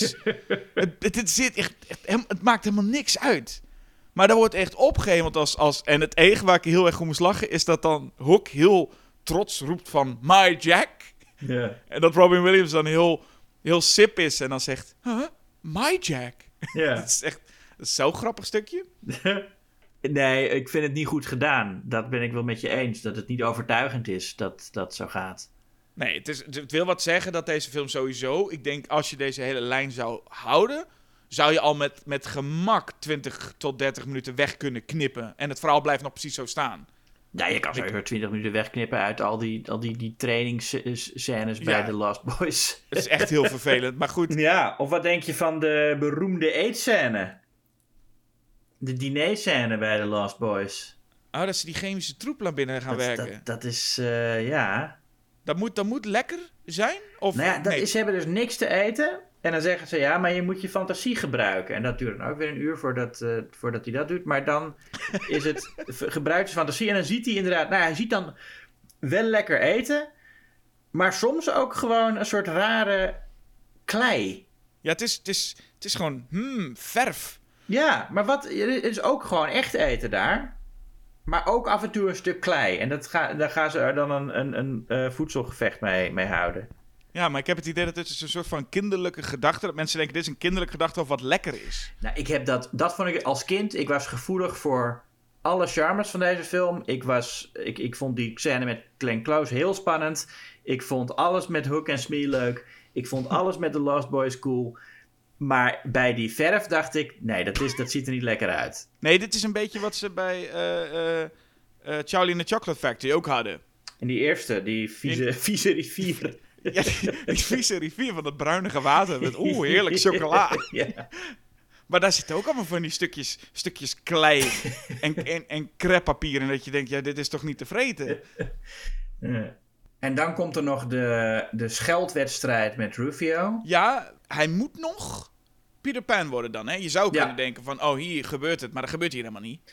Nou, hij is bezig Peter Pan te worden. Ja, en dat duurt en dat duurt. Want die honkbalwedstrijd zit er allemaal nog tussen.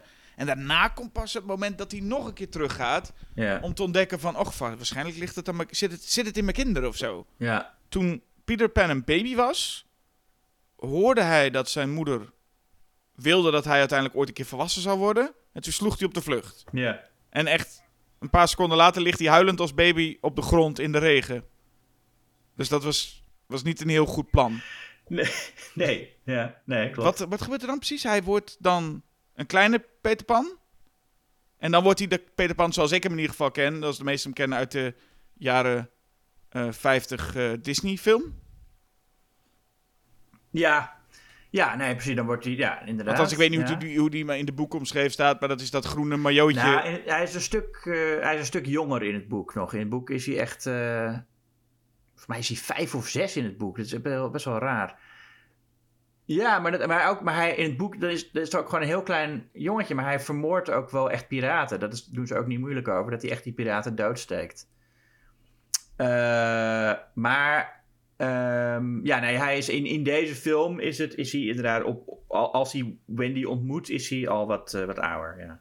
Ja, dan is, hij, dan is, is kleine Peter ontmoet eh, jonge Wendy. En die wordt gespeeld door Gwyneth Paltrow. Ja. En dan gaat hij met haar eh, vliegen. Mhm. En, en ze, hij bezoekt haar dan steeds. En dan zien we dat er twee, fa- twee fases eigenlijk zijn. Je hebt Gwyneth Paltrow. Dan heb je Gwyneth Paltrow met haar haar iets anders. Dus iets ouder. Ja. En dan is ze Maggie Smith. Ja.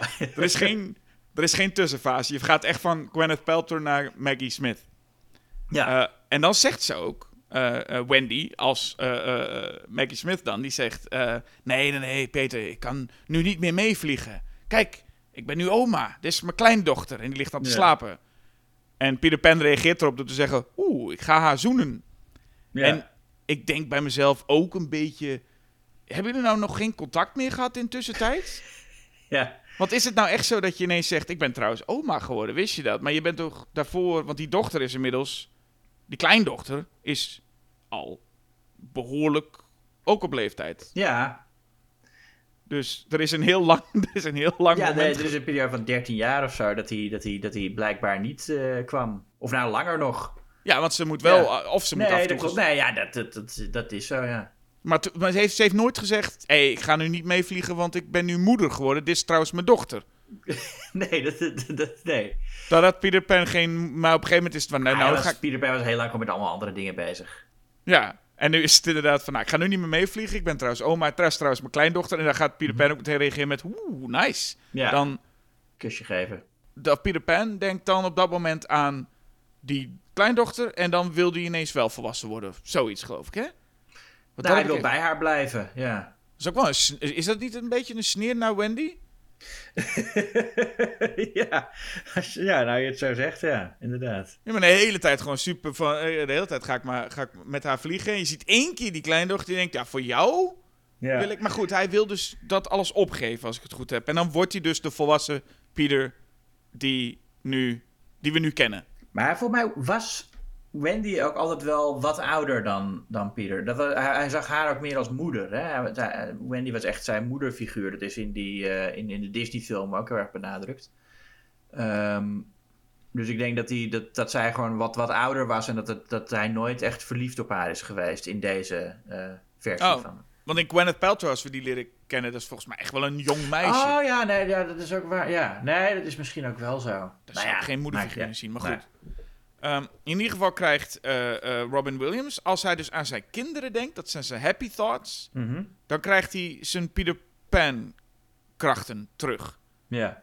En dat bestaat ook uit een soort van groen maillot en haarlak. Hij heeft een, De- ja, daar heeft hij opeens dat sexy pak weer aan. ja, dat is een sexy pak met haarlak. En dan begint hij ook zo te kraaien als een, als een kraai. of als een haan. Ja, het is een, ik denk wat een rare, wat een raar iets is het eigenlijk. Toch? Wat een raar iets is het eigenlijk. Nou, als je dat zo ziet, zo'n volwassen man die dan, die dan zijn krachten Ja. weer krijgt door aan zijn kinderen te denken. Dan heeft hij ineens een groene maillot aan. En dan gaat hij zo lopen met, met allemaal van die kinderen zitten kraaien. Ja. Denk je, ja. wat, een, wat een raar tafereel eigenlijk. Wat een, wat een gek... Wat, ja, ik weet niet of ik hier nou echt blijer van zou moeten worden als kind. Van, oh, gelukkig, mijn vader is terug. Nou ja, als je, Pe- als je Peter Pan een beetje kent en je weet wat, waar die maillot voor staat. En, eh, en dat die kraait, dat, wat, wat voor mij niet echt een deel was van de hele Peter Pan mythologie of zo, dat hij altijd kraait. Maar Ik heb geen idee waar het voor staat trouwens dan. Nee, nee, ik bedoel, voor Peter Pan. Dat, dat, eh, als je, als je het icoon Peter Pan kent, dan is het toch wel een, een, een, een, een goed gezicht van... oké, dat is inderdaad Peter Pan, zo ziet hij eruit. Nee, maar je moet je voor... Want in de film, ik bedoel, even uitgaande. En ik ken Peter, Peter Pan niet heel goed. Eh, Ik weet even dat die, hoe die eruit ziet en zo. Maar, ik, maar gewoon het idee dat je dan als kind zou zeggen... Hé, hey, mijn vader, een, een, een man met verantwoordelijkheid, wil mij redden. Maar nu Ja. staat hij daar in zijn groene maillot tussen allemaal kinderen te kraaien. ik weet niet waar ik voor zou kiezen hoor. Maar ik vind het een beetje... Daar staat hij dan. ja, nou ja. Het is, ja, ik vind, het- ik vind het, het is, eh, het, ik vind het, het is misschien een beetje belachelijk, maar ik vind het is wel goed. eh, Robin Williams is wel goed gecast. Kunnen we dat wel zeggen als, als volwassen Peter Pan? Hmm. Nee? Gewoon, het, ik, ik zie vooral Robin Williams. Die doet wat Robin Ja. Williams heel goed kan. Maar Ja, nou, ik- dat bedoel ik. Ik vind Robin Williams namelijk ook veel beter als. eh, hij is, zo- ik vind hem sowieso beter als dramatisch acteur dan als komiek. En in het begin. Maar hij is, hij is vooral grappig als personages die eh, humor hebben, maar niet, niet per se een heel komische rol zijn. Een, be- een beetje zielige personages ook, met een beetje flauwe grapjes en echt een beetje nou ja, zielige vaders ook. World's Greatest Dad vind ik hem ook heel erg goed. En, en dat is ook zeker aan het begin van deze film. Heeft hij echt een soort, ja, die, die, die verslagen, eh, zielige man-indruk. Die zich wel, die wel, eh, eh, je, je- ziet dat hij, dat hij natuurlijk succesvol is en een goede baan heeft. Maar je ziet ook ergens dat daar iets kapot is in hem. En dat hervindt hij dan weer in Neverland. En dan is hij weer heel jeugdig. Wat ook altijd met. Wat we hebben, wat Robin Williams natuurlijk ook heel goed kan. Een soort groot kind spelen. Ik denk dat dit wel een van de meest gepaste Robin Williams rollen is. Ja, maar ik vraag me dus af of dat nou de bedoeling ook was. Ik weet niet wat ze precies willen hoor, maar ik zie het een beetje als, als zijnde Jack Nicholson in The Shining. Hmm. Hè, is het de bedoeling van de makers, dat was het niet, maar is het de bedoeling van de makers dat je echt denkt, nou, die, die leuke vader is ineens gek geworden. Maar bij Mhm. Jack Nicholson denk je dat niet, dan denk je, die man is, die was al vanaf begin af aan knettergek. Hmm. Dat, dat zie ik een psychopaat. En bij Robin Williams zie ik ook als zakenman, en ik, blijf terugkomen op die GSM in die holsters, maar ik Nee. zie ook al Robin Williams. Met de kennis die ik al heb van Robin Williams. Ik zie al een gekke, leuke man. Die Nou, nee, misschien... ik, nee, ik zie dat. heel- Ik vind dat juist in het begin heel goed dat die, hoe die speelt. Die, die gekke man zit er wel in. Of die, die, die leuke man, die zit er wel ergens in. Maar die wordt heel erg onderdrukt. Ja, maar als je dan hebt over perfecte casting, zou ik bijna denken: wat als je dus inderdaad die saaie echte saaie zakenman zou casten. Die dus ineens laat zien dat hij ook Peter Pan is. Dat wij zelf ook denken, verrek, die acteur kan dat gewoon ook. Wie, wie, wie dan? Wie zou dat zijn? Richard Jenkins. nou, ik noem maar wat.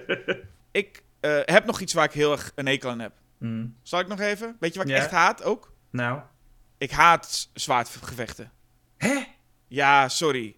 Ik vind zwaardgevechten zo, zo, zo dodelijk saai. Nou. Echt niet te doen. En maar dat zit maar eh, eh, de Three Musketeers van Richard Lester. niet gezien. Maar in Oliver Reed, dat, dat, dat moet je zien. Dus Oliver Reed die zich in een zwaardgevecht stort, dat is... oh, eh, er, er eh, zullen goede tussen zitten. Dat zullen goede tussen Ja, zitten. Dat The ga ik Adventures niet... of Robin Hood. De eerste die, die uit, uit eh, wat is het, eh, 39? Ik weet het. 1938 natuurlijk. Maar. Robin Hood, ja. Nee, ik ben het met je eens dat de zwaardgevechten in deze film heel saai zijn. Er zit geen... Er zit niks in. Er zit Nee, het- het is gewoon tik-tak, tik-tak. Het is niks. Eh, En je voelt dat, John Williams de- moet de boel redden door die muziek een beetje bombastisch te maken met kijk, Ja. het is wel spectaculair, maar je, je, je ontkomt er niet aan dat je kijkt en denkt, het is een beetje alsof je die Star Wars scène, weet je nog, uit de eerste Star Wars film terugkijkt Ja, en denkt, god, was het spectaculair? Nee, absoluut niet. Nee, nee. Dat, en, en die zijn ook veel te lang, die zwaardgevechten in deze film. En inderdaad ook, ja, het is echt jammer, want je zou toch denken, Sp- Steven Spielberg, eh, een, een swashbuckler, dat eh, moet wat worden, maar nee. Nee, echt niets, echt niets. Nee. En dit wordt dan zijn zwaardgevechten, maar het wordt hier natuurlijk wel aangevuld met tomaten en eieren gooien. ja. en rennende boeven en... Nee, dat is, maar dat is ook weer hetzelfde als bij de Goonies. Het gevaar wordt de hele tijd ondermijnd door die piraten soms neer te zetten als echt ja, volstrekt incompetente idioten die, die als ze een, een ei in hun gezicht krijgen uitgeschakeld zijn. Of dan zijn ze af. Ja, ze reageren allemaal. Ze reageren allemaal als ze vloeistof of iets in hun gezicht krijgen. Reageren ze allemaal zoals eh, Frank Drabin uit Naked Gun als hij een handdoek in zijn gezicht krijgt. Ik weet niet of je dat, is kan mijn herinneren. Maar scène uit heel eh, de Naked Gun reeks is dat. ja, ja, het zit ook in de, in de serie, in eh, Police Squad. Oh, oké. Het zit ook in, in deel 2. Die heb ik la- laatst toevallig herkeken. Oké, Dus, nee, het- ik, ik weet dat het inderdaad ook in, in, de, in, de, in de serie zit. En dat is echt een hele leuke grap. Maar zo wordt er dus wel door hen ook allemaal gereageerd. En eigenlijk wat jij over Mouth ook zei in The Goonies... dat hij Mhm. te lang in die waterstraal kijkt. Maar dat is hier ook... Mensen kijken in een waterstraal of krijgen een ei tegen hun kop... en zijn inderdaad uitgeschakeld. Ja. en ook dat, dat de dikke jongen dan moet rollen. Ja, jezus. Die hebben ze, maakt, maken ze van hem maken ze ook een wapen dat hij van de loopplank afrolt. Ja. Jezus. Ja, nee, bedoel, dat, bedoel, bedoel ik inderdaad. Jezus, dat is het toch? En ja, dan en, maar het ziet er ook niet uit, want het, dat, het is ook heel duidelijk een pop die daar dan vanaf rolt. Dat Ja. is ook een beetje eng of zo. Het is een beetje een enge pop, vind ik. Ja, ja, klopt. En, eh, maar die gaat er als een bowlingbal. Echt een kind. Gewoon een dik kind. Gaat als een bowlingbal volwassen mannen omver. Je moet je nou voorstellen, als kind kijk je dit. En je Ja. denkt, oh, dikke jongen, maakt van zichzelf een bol en rolt weg en bowlingbal. Maar zie je nu even voor je, je bent als volwassen man, je kijkt dit voor het eerst. ja. En je ziet die dikke jongen die zichzelf dan als bol, bal naar beneden werpt en dan tegen piraten aankomt die als bowlingballen. Da- da- eh, zit je dan als volwassen man te kijken en denken, yeah! Daar kun je toch niks, daar kun je toch niks Nee, bij voorstellen, nee. 0,0. En Ik, maar ik, denk- snap, ik snap ook echt niet. Maar dit, ik vond dit als kind dus ook al eh, niet echt aan de verwachtingen voldoen. Dit gevecht. Want ik, ik, ja, ik, het was in die tijd. Je wilde natuurlijk een beetje Home Alone-achtige dingen met booby traps en dingen bouwen. En dat ze ook een, een soort kooi met, met kippen erin hebben. En die kippen die leggen dan eieren. En die worden dan naar die piraten gegooid. Dat is een beetje het ding. Je, hebt een, je moet je door een ongelooflijk lange tweede acte heen werken met hoek. Mhm. En dan denk je, maar als het die, als het die climax dan maar waard is. En dan zie je het eindgevecht en dan denk je, nee, Ja. het was het echt niet waard. Dit was echt het totaal niet waard. Ja, maar hoewel het dan dus aan de ene kant super malle slapstick is met piraten die uitgeschakeld worden door een ei, gaat Rufio gewoon dood. Ja, ja, Ja, en die wordt doodgestoken door kapitein Haak. klopt. En daarna in een paar seconden gewoon vergeten. Ja, was, dit een, was, je, was je hier onder de indruk van toen dit gebeurde? Als kind wel. Ja? Ja. Ja, nee, ik vond het wel erg dat hij doodging. Ja, zeker. En, eh, en, en, dat, en, en dat Peter Pan er naartoe kwam en afscheid kwam nemen. Ja, dat, dat, dat vond ik wel een emotioneel effectief moment. Hmm. En, maar als ik nu ernaar terugkijk, denk ik...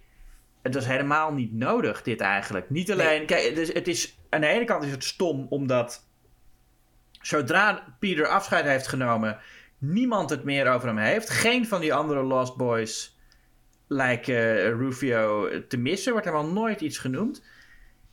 Maar, het is, maar dat, dat is, dat, dat is de ene, het ene kant waarom het stom is. Maar het is aan de andere kant ook stom dat het überhaupt gebeurt. Waarom moet hij dood? Wat voor functie heeft dat in het verhaal?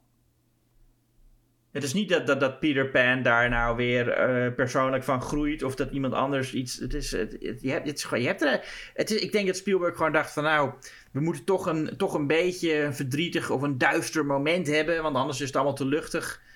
Kom, we maken iemand dood. En dan hebben we een momentje sentiment en een momentje verdriet. Ja, maar dat wordt ook niet eens gebruikt om Hoek nog intimiderend te maken. Dat je denkt, oh jee, er hangt nu wel echt iets vanaf. Nou, dat is misschien wel dan het doel geweest van, oh kijk, hij vermoordt zelfs een kind. Ja, maar dat is wel heel slecht gedaan. Want in principe. Uh, nou ja, ook hier talloze mogelijkheden om het echt intimiderend te maken met Hoek heeft gewoon een kind vermoord. Ja. Maar zo wordt het niet gespeeld. Want daarna gaat hij een beetje stom achter, achter Pieter Pan aan zitten. Ja. En is hij ook vrij snel, is Hoek ook helemaal uh, met de grond gelijk gemaakt. Met dat ja. hij heel kwetsbaar op de grond ligt en zijn pruik wordt af. Ja. ja. Dus dan denk je, was dat inderdaad extra? Was dit nou allemaal nodig? Moest Rufio daar nou voor sterven? Nou ja. Nee, je had, je had zelfs een, een veel mooiere slotscène had, uh, gekund. Dat, dat Rufio en, en, en Peter toch weer uh, elkaar omhelzen en, en, en, en weet je wel, elkaar oké okay vinden. Ook dat, inderdaad. En je hebt ook nog eens een keer dat die kinderen, daar zou ook nog iets mee kunnen gebeuren. Dat op een of andere manier Dustin Hoffman nog iets met die kinderen. Maar die kinderen die zijn dan op een gegeven moment al vrij snel vrij. En die ja. hobbelen maar een beetje mee met die Lost Boys heen en terug. En dat je denkt, er is ook niet eens een, een angst iets of zo. Van, nee, oh, gaat hij nee. die kinderen nog iets aandoen? Nee, het is gewoon, Hoek die loopt maar een beetje achter, met zijn zwaardje achter Peter Pan aan. ja. En dat ja. is het. En ondertussen lopen er wat kinderen een beetje omheen. En andere piraten die zijn uitgeschakeld door eieren. Dat is wat hier nu, deze, deze hele eind, dit hele grote eindgevecht wat er gebeurt. Ja, uiteindelijk. Ja, en de hoek wordt dan nog, uh, ja, wat, wat is het, opgegeten door de krokodil. Wordt ook een beetje vaag. Of die krokodil, komt hij nou weer tot leven? Nee, die krokodil? Of, uh, ja? Die, die, nee, dat is gewoon een standbeeld. Dat viel om. En... Ja, maar het lijkt, je ziet, ik bedoel, je ziet zijn kop bewegen en er komt een geluid uit. Oh, ik dacht dat, hij gewoon, dat het standbeeld gewoon omviel. Ja, dat heb ik ook altijd gedacht. Maar hij maakt wel, hij, je hoort hem wel een geluid maken. En volgens mij stond op Wikipedia ook.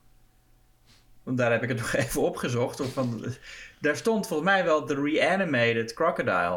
Oké. Okay. Dat hij toch weer uh, uh, tot leven komt. Of maar, volgens mij is het zo dat Hook want je ziet die kop zo vallen. Hè? Die, die kop die, die kijkt opeens omlaag naar Hook. En Hook die kijkt dan van... Oh, en, maar misschien denkt Hook even dat de krokodil weer leeft. En volgens mij hoor je hem... Je hoort ook wel echt een geluid dat die krokodil niet... Dat het, dat het standbeeld niet zou maken. Nee, maar het is daarna ook dat Hoek weg is. Ja, nee, hij is verdwenen, ja. Dus ik weet niet of hij dan inderdaad gauw eruit is geklommen en dacht ik... Nee, nee, nee, nee, nee, nee. Die krokodil heeft hem doorgeslikt. Nou, dan zal er toch iets met het... Dat doen standbeelden over het algemeen ook niet. Nee, haar standbeeld, is hij is opgezet, hè? Dat is een opgezette krokodil. Maar dat vind, ik vind het eigenlijk wel, uh, dat vind ik dan wel weer leuk sprookjesachtig of zo. Dat het niet duidelijk is. Uh, uh, wat? Nee, dat is altijd zo droomlogica. Het is allemaal een beetje. Nee, nee maar, dat is toch, maar hier is toch ook duidelijk niet de bedoeling dat het duidelijk is of de, of de krokodil leeft of niet. En waar Hoek nou naartoe is. Het is toch duidelijk dat dat, dat niet bedoeld is als iets logisch, toch? Hoek moest weg, want ze moeten terug naar uh, Londen. Nou, ze moeten eerst even, moet Pieter nog zijn, uh, zijn zwaard uh, aan een van de Lost Boys geven. En we welke van de veertien kinderen ja. gaat het zijn? Misschien die ene met een persoonlijkheid. Ja, ik zat ook, dat was dus het moment dat hij loopt hij langs al die kinderen. Ik denk, wie zijn al die kinderen überhaupt? ja. Maar je ziet het ene jongetje er zijn, ja, er zijn dus twee met een beetje een persoonlijkheid. Die, die ene, die, of nou, deze hebben wel, de andere hebben ook wel iets. Je ziet af en toe wel een close-up van een jongetje dat een beetje aan het acteren is. Dat is persoonlijkheid, toch? Ja, maar ik bedoel, de enige twee waar we dan echt iets van weten, is dat jongetje dat de eerste was die Pieters gezicht voelde. Die gezichtwrijving, ja. en, en, en, ja, we moeten hem niet steeds de dikke jongen noemen. Hij heeft wel nee, de bowlingbal. Ook. Ja, de bowlingbal. Maar hoe heet die jongen nou? Thudbud. Volgens mij heet hij Thudbud. Ja? Heet hij niet Thudbud? Uh, ja, Thudbud. Oh, ja. Ja, dus ik kan er ook niks aan doen. Dat staat hier. Ja, Thudbud inderdaad. Andere jongetje heet Too Small. Ja. En je hebt dan nog Nou, Ace. Ro- Ro- Roshan dat is Hammond. Jason Fisher. En je hebt ook nog Don't Ja. Ask. En je hebt Latch Boy. Nou, Nou, Roshan. Hammond in elk geval, die krijgt uiteindelijk het zwaard. wie? Roshan Hammond, het Thudbud. Oh, Thudbud. Ja. Ja. Nou, is mooi voor hem, toch? Mhm. Maar inderdaad, dat, ja, wie, wie anders zou het worden? Nou, het zou anders nog too small kunnen zijn. Dat zijn eigenlijk de enige twee kanshebbers, dacht ik. Het zou leuk zijn als hij het gewoon aan, aan zomaar een ander, jongetje geeft. Dus ik wie is dit nou weer? We hebben trouwens nog eh, twee cameo's gemist, hè? Van eh, George Lucas en Carrie Fisher. Die vlogen de lucht in. Ja, dat Ja, dat had je, toch, dat had je toch helemaal niet kunnen zien? Dat is toch zo'n IMDB-feitje wat je ja, nee, dat is inderdaad de raarste cameo. Dat het echt onmogelijk is om dit te herkennen. Ik weet ook niet eens of het echt zo is. Dat is ook nog wat.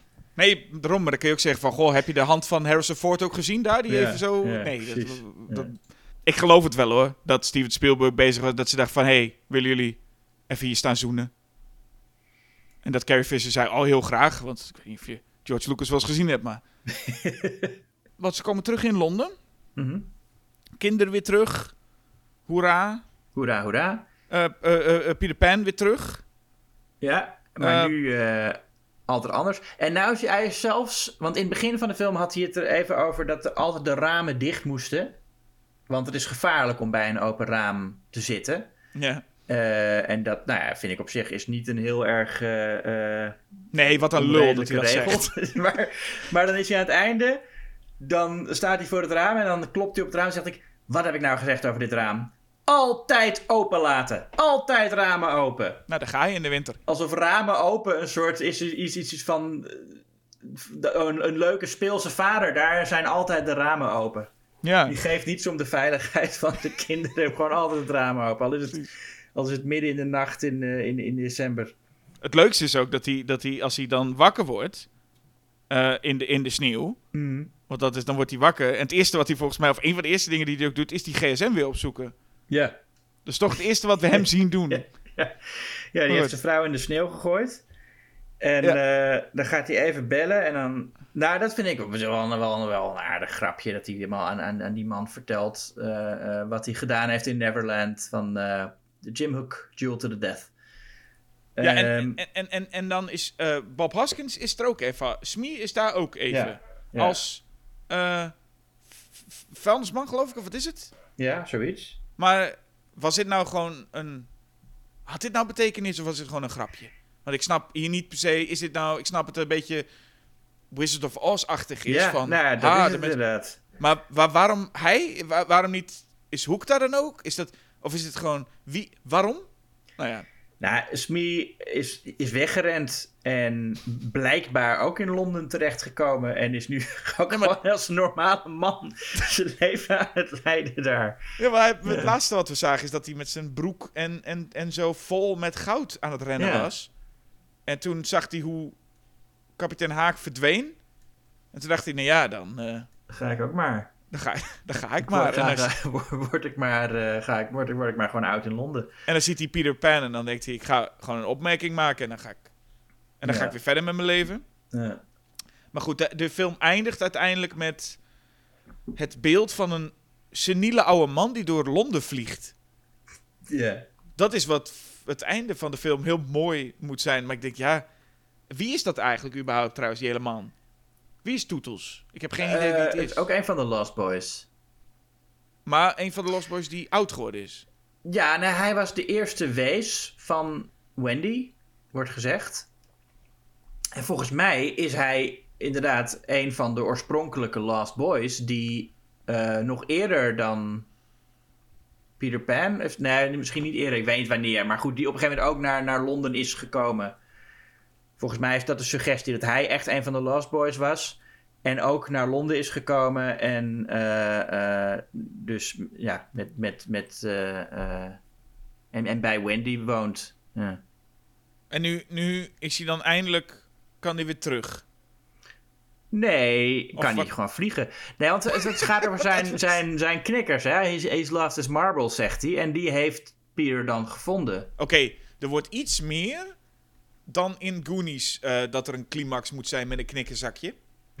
En dan gaat. En dan vlieg, gewoon, het, het lijkt alsof in de script stond. En toen vloog, vloog Toetels weg. ik heb het net even opgezocht. Toetels is inderdaad een van de Lost Boys die ook in, in de andere Peter Pan verhalen al uh, voorkomt. Ja. Maar ja. goed, dat weet, dat weet ik niet. Als nee, maar dat weet je wel als je van Peter Pan uh, weet. Sure, maar dat weet je als kijker dus niet. Dus je ziet daar een oude man die daar dus een paar keer zegt... Mijn knikkers nee, maar volgens mij weet je dat als, als, als kijker weet je dat misschien wel. Als je, als je bekend bent met Peter Pan. Ja, maar bij die Lost Boys wordt ook iets gezegd over... Ha, Toetels was hier ook. Ja. Alleen, waarom het dan echt... Want daar eindigt de film gewoon mee. De muziek zwelt op en je, je het eindigt gewoon met Toetels die wegvliegt. En ik, ah, dat wilde die altijd al, denk ik. Wegvliegen? Toetels? Ehm, Waar gaat hij nee, Nou, hij vindt het gewoon leuk om even te kunnen vliegen. Dat zou jij toch ook leuk vinden? Dat is toch een raar einde. Je grote film met al die levenslessen eindigt met Toetels. Die kan gewoon nu ook trouwens even vliegen. Dat ja, voelt nee, dat is, dat, is, dat is... Wat een raar einde. Het is toch niet alsof die man... Alsof die... Wat, wat wil... Nou ja, oké, sure. Ik vind het wel gepast op zich. Hij, uh, wat is er gepast aan? Het is toch niet dat de hele film lang al wordt gezegd van... Nou, die toetels, die kan niet meer vliegen. De film gaat over het hervinden van het kind in jezelf. nee, die kan niet meer vliegen. Nee, dat zeggen ze. Nee, maar dat wordt wel gezegd. Toetels kan niet meer vliegen? Hij zegt dat zelf tegen, tegen Phil Collins. Wat een rare zin dit. Hij zegt dat. hij zegt tegen Phil Collins dat, dat, dat Peter Pan niet meer kan vliegen. Hij zegt iets. En, en dan zegt Phil Collins: uh, One does. Ja. Nou. Nee, ja. Het gaat er toch over dat je meer weer opnieuw moet leren te vliegen, Jasper? Dat is toch waar die hele film over gaat? Ja. Leer als volwassene weer het kind in jezelf te vinden. Leer weer te vliegen. En nou ja, Toodles was natuurlijk het kind in zichzelf misschien nooit helemaal kwijtgeraakt, maar wel zijn marbles.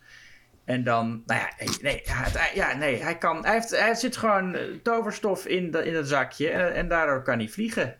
Ja, ik weet ook niet wat ik anders voor moet maken. Nee, dit, dit betoog klinkt net zo warrig als die hele film. Ja, dit is echt... nee, ik, zit, nou, ik, ik, ik heb er nooit zo over nagedacht ik vind het gewoon wel aansluiten bij. Uh, ik heb er nooit over nagedacht. Ik vind het aansluiten. En dat klopt. Als je er niet over nadenkt. Het is een gevoel, Jasper. Het, zijn, het is een gevoel. Je voelt dat het klopt dat hij kan. Net zoals je voelt dat het klopt dat, dat Captain Hook verdwenen is aan het einde. Mhm. En je voelt dat het klopt dat Smee in, die, in, in Londen is. En je voelt dat het klopt dat Toodles aan het einde van de film zo door Londen vliegt. Ja. En jij ehm, voelt dat Hoek moet blijven in plaats van de Goonies? Nou, ik vind ook. Um, dit is niet een, heel goede film. Ik vind het ook niet een heel slechte film. Het, er, zit heel veel, er zitten veel slechte dingen in. Het hele gedoe met The Last Boys is uh, echt vervelend. Het is een film die een enorme daling in kwaliteit maakt zodra het, het waar de film eigenlijk over gaat begint. Ik vind de hele intro, wat ik net al zei, vind ik echt gewoon Spielberg, uh, ja, op zijn best eigenlijk. Het is misschien niet het, het, is niet het meest. Ja, natuurlijk, het is clichématig wat hij doet, maar het is heel goed uitgevoerd, vind ik. En je ziet echt dat Spielberg nog. Dit is de tijd dat hij ook Jurassic Park en Schindler's List maakte. Uh, en uh, en wat had hij nog meer rond deze tijd? Color Purple. Je ziet echt dat hij gewoon op, de toppen van zijn kunnen is als filmmaker aan het begin. En dan, ja, in Neverland zit hij op een krappe set en gaat het allemaal mis. En, ja, maar zijn Bob Hoskins en, en Dustin Hoffman toch erg leuk, vind ik, als schurken duo. En ik vind de kindacteurs, ik, vind, ik moet zeggen, ik vind de, de, de, Jack um, ook wel goed. My Jack. Ja, dat vind ik ook goed. Vind ik ook wel geslaagd. Dus nee, ik vind uiteindelijk vind ik Hook een film die echt duidelijk gemaakt is door een heel erg goede filmmaker. En met een paar heel erg goede acteurs in die ook nou ja, behoorlijk goed spelen. En The Goonies. Ik, ja, ik, ik vind het moeilijk te geloven hoe, hoe dat script uh, tot stand is. Ik, ik snap gewoon niet hoe dat script tot stand is gekomen. Ik snap niet waarom het gaat zoals het gaat. Er zijn zoveel films uit die tijd met dit team die zoveel beter zijn. En ik bedoel ook echt gewoon, het is gewoon niet professioneel op momenten. Het is echt, het ik heb soms echt het gevoel dat ik, naar, nou ja, dat ik naar iets als The Room zit te kijken. En ik denk, wat Richard Donner, Steven Spielberg, Chris Columbus, dat, zijn toch mensen die niet altijd goed zijn, maar wel altijd competent. Dat is kinderlogica, Julius. Nee. Nee, dus, dus nee, want daar is Hoek echt... Los van het feit dat ik voor Hoek wel nostalgie heb en voor The Goonies niet... is Hoek voor mij ook echt duidelijk de betere film. Oké. Ik ben geen eh, Richard Donner-kenner.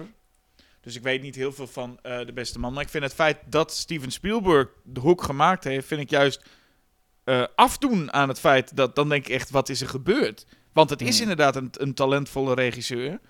Ehm, maar dat er er zoiets uit je, uit je poten komt... vind ik vrij eh, eh, bijzonder. Ik vind de Goonies niet goed. Absoluut niet goed. Ehm, maar het feit is dat ik de Goonies wel... ehm, die, veel toonvaster vind. Hm. In de zin dat ik inderdaad bij, bij, bij Hoek denk... Het duurt ook lang, jongen. Die hele film duurt zo lang. Hm. En het, het, het gaat voor mijn gevoel ook nergens naartoe. Die, die, ehm, waarbij de Goonies het in ieder geval nog gewoon wat compacter is. Ik weet wie wie is. Ik weet wat er gebeurt. En bij, bij Hoek heb ik de helft van de tijd en geen idee wat er gebeurt. Ik ken, weet al die jongens, die Lost Boys, heb ik geen idee van. Ehm, ik vind het een... En voor wat de Goonies is, vind ik het een... eh, soms nog best... Ik zie daarin nog best wel een leuke... Leuke kinderavonturenfilm. Hm. Dat ze door die grotten moeten, dat, ze door die, eh, dat de grond onder je wegvalt, dat ze door zo'n wildwaterbaantje moeten. eh, een monster tegenkomen, een, eh, even moeten zwemmen. Ik, ik zie het nog wel voor me, dat je daar als kind wel wat leuks aan kan vinden. Ik zie niet voor me wat je als kind aan Hoek leuk kan vinden. Hm. Beetje vervreten en, en, en, en nee. ik, nee, daar voel ik helemaal, helemaal niks voor. En dat, daarnaast zou ik als enige argument, als je voor mijn kant kiest, dan blijft de Goonies bestaan. Maar dan doe ik Steven Spielberg een, eh, nou ja, toch wel een, een, een, gunst, want hij houdt ook niet van Hoek. Ah. En hij kan het ook wel hebben hoor, als we deze film uit zijn filmografie wissen. Dus van mij betreft Hoek weg, niemand die erom rouwt. En ja, Hm. Dan- Nou, niemand, niemand. ja, Er zijn best veel mensen die Hoek nog steeds eh, verdedigen, die, eh, als, die ook nostalgisch zijn naar die film. En, maar eh, maar die heeft ook nog wel zijn, zijn, zijn fans hoor. dus jij zegt dat er nog veel fans zijn. Ja, nou, allebei hebben ze natuurlijk veel fans. Deze Dus films. Maar, Wat zouden Schokkend Nieuws podcast luisteraars dan kiezen? Ja, ik weet het. Ik, ik vrees dat Goonies toch wel de populairdere film is. Ehm, maar ik weet niet. Ik ben wel, ik ben, je zei net dat, dat Spielberg het niet zo erg zou vinden als we Hook eruit deden. Mhm. Ik, ik ben eigenlijk wel benieuwd wa- wat Spielberg vindt. Dus misschien als Steven, als jij luistert. Als je luistert. ehm, als jij nou gewoon ons vertelt welke weg mag. Mhm. Dan hoeft de luisteraar dat niet meer te zeggen. Zou het zijn dat Spielberg zegt, ja, doe die film van Richard Donner maar weg. nee, Spielberg is wel aardig genoeg om te zeggen. En bescheiden genoeg om, om dan Hoek weg te doen. Ja. Denk ik wel, denk Nou, ik wel. Ja. nou. Dus, Nee, eh, dan wil ik het toch aan de luisteraar overlaten. maar als je dit volgehouden hebt, luister, eh, eh, laat ons nog even weten welke jij kiest, Hoek en de Goonies. Mhm. En doe daarna nog een paar kleine andere dingen. Kost niet veel moeite, maar wat moeten ze ook weer doen? Nou, sowieso liken en subscriben en sterren geven aan en recensies schrijven over deze podcast. Ook abonnement nemen op Schokkend Nieuws Het Tijdschrift. Een papieren tijdschrift, de laatste filmklassie van de Benelux, Jasper. Zo. En ja, op schokkendnieuws.nl kun je ook met regelmaat onze recensies vinden van films. Maar in het tijdschrift lees je ook nog essays en interviews en uitgebreidere besprekingen en, eh, en allemaal helemaal leuk. En allemaal helemaal leuk. Ja, is allemaal helemaal leuk. En blijf ook de podcast luisteren, want we zijn er natuurlijk binnenkort eh, gewoon weer. Ja, Eh, eerst met een reguliere aflevering, maar daarna is Julius Vers Jasper weer terug met ditmaal Julius. Nosferatu. Precies. Tweemaal. Tweemaal. Nosferatu tegen Nosferatu. Ja. En ik neem het dan op voor Nosferatu. En ik voor Nosferatu. Hoe? Wel, wie zal er winnen? We gaan het zien. Spannend. Eh, maar voor nu zou ik zeggen bedtijd. Slaap lekker. Eh, bedankt voor het praten, bedankt voor het luisteren. Jij ook. En eh, tot de volgende keer. Doeg. I hate I hate I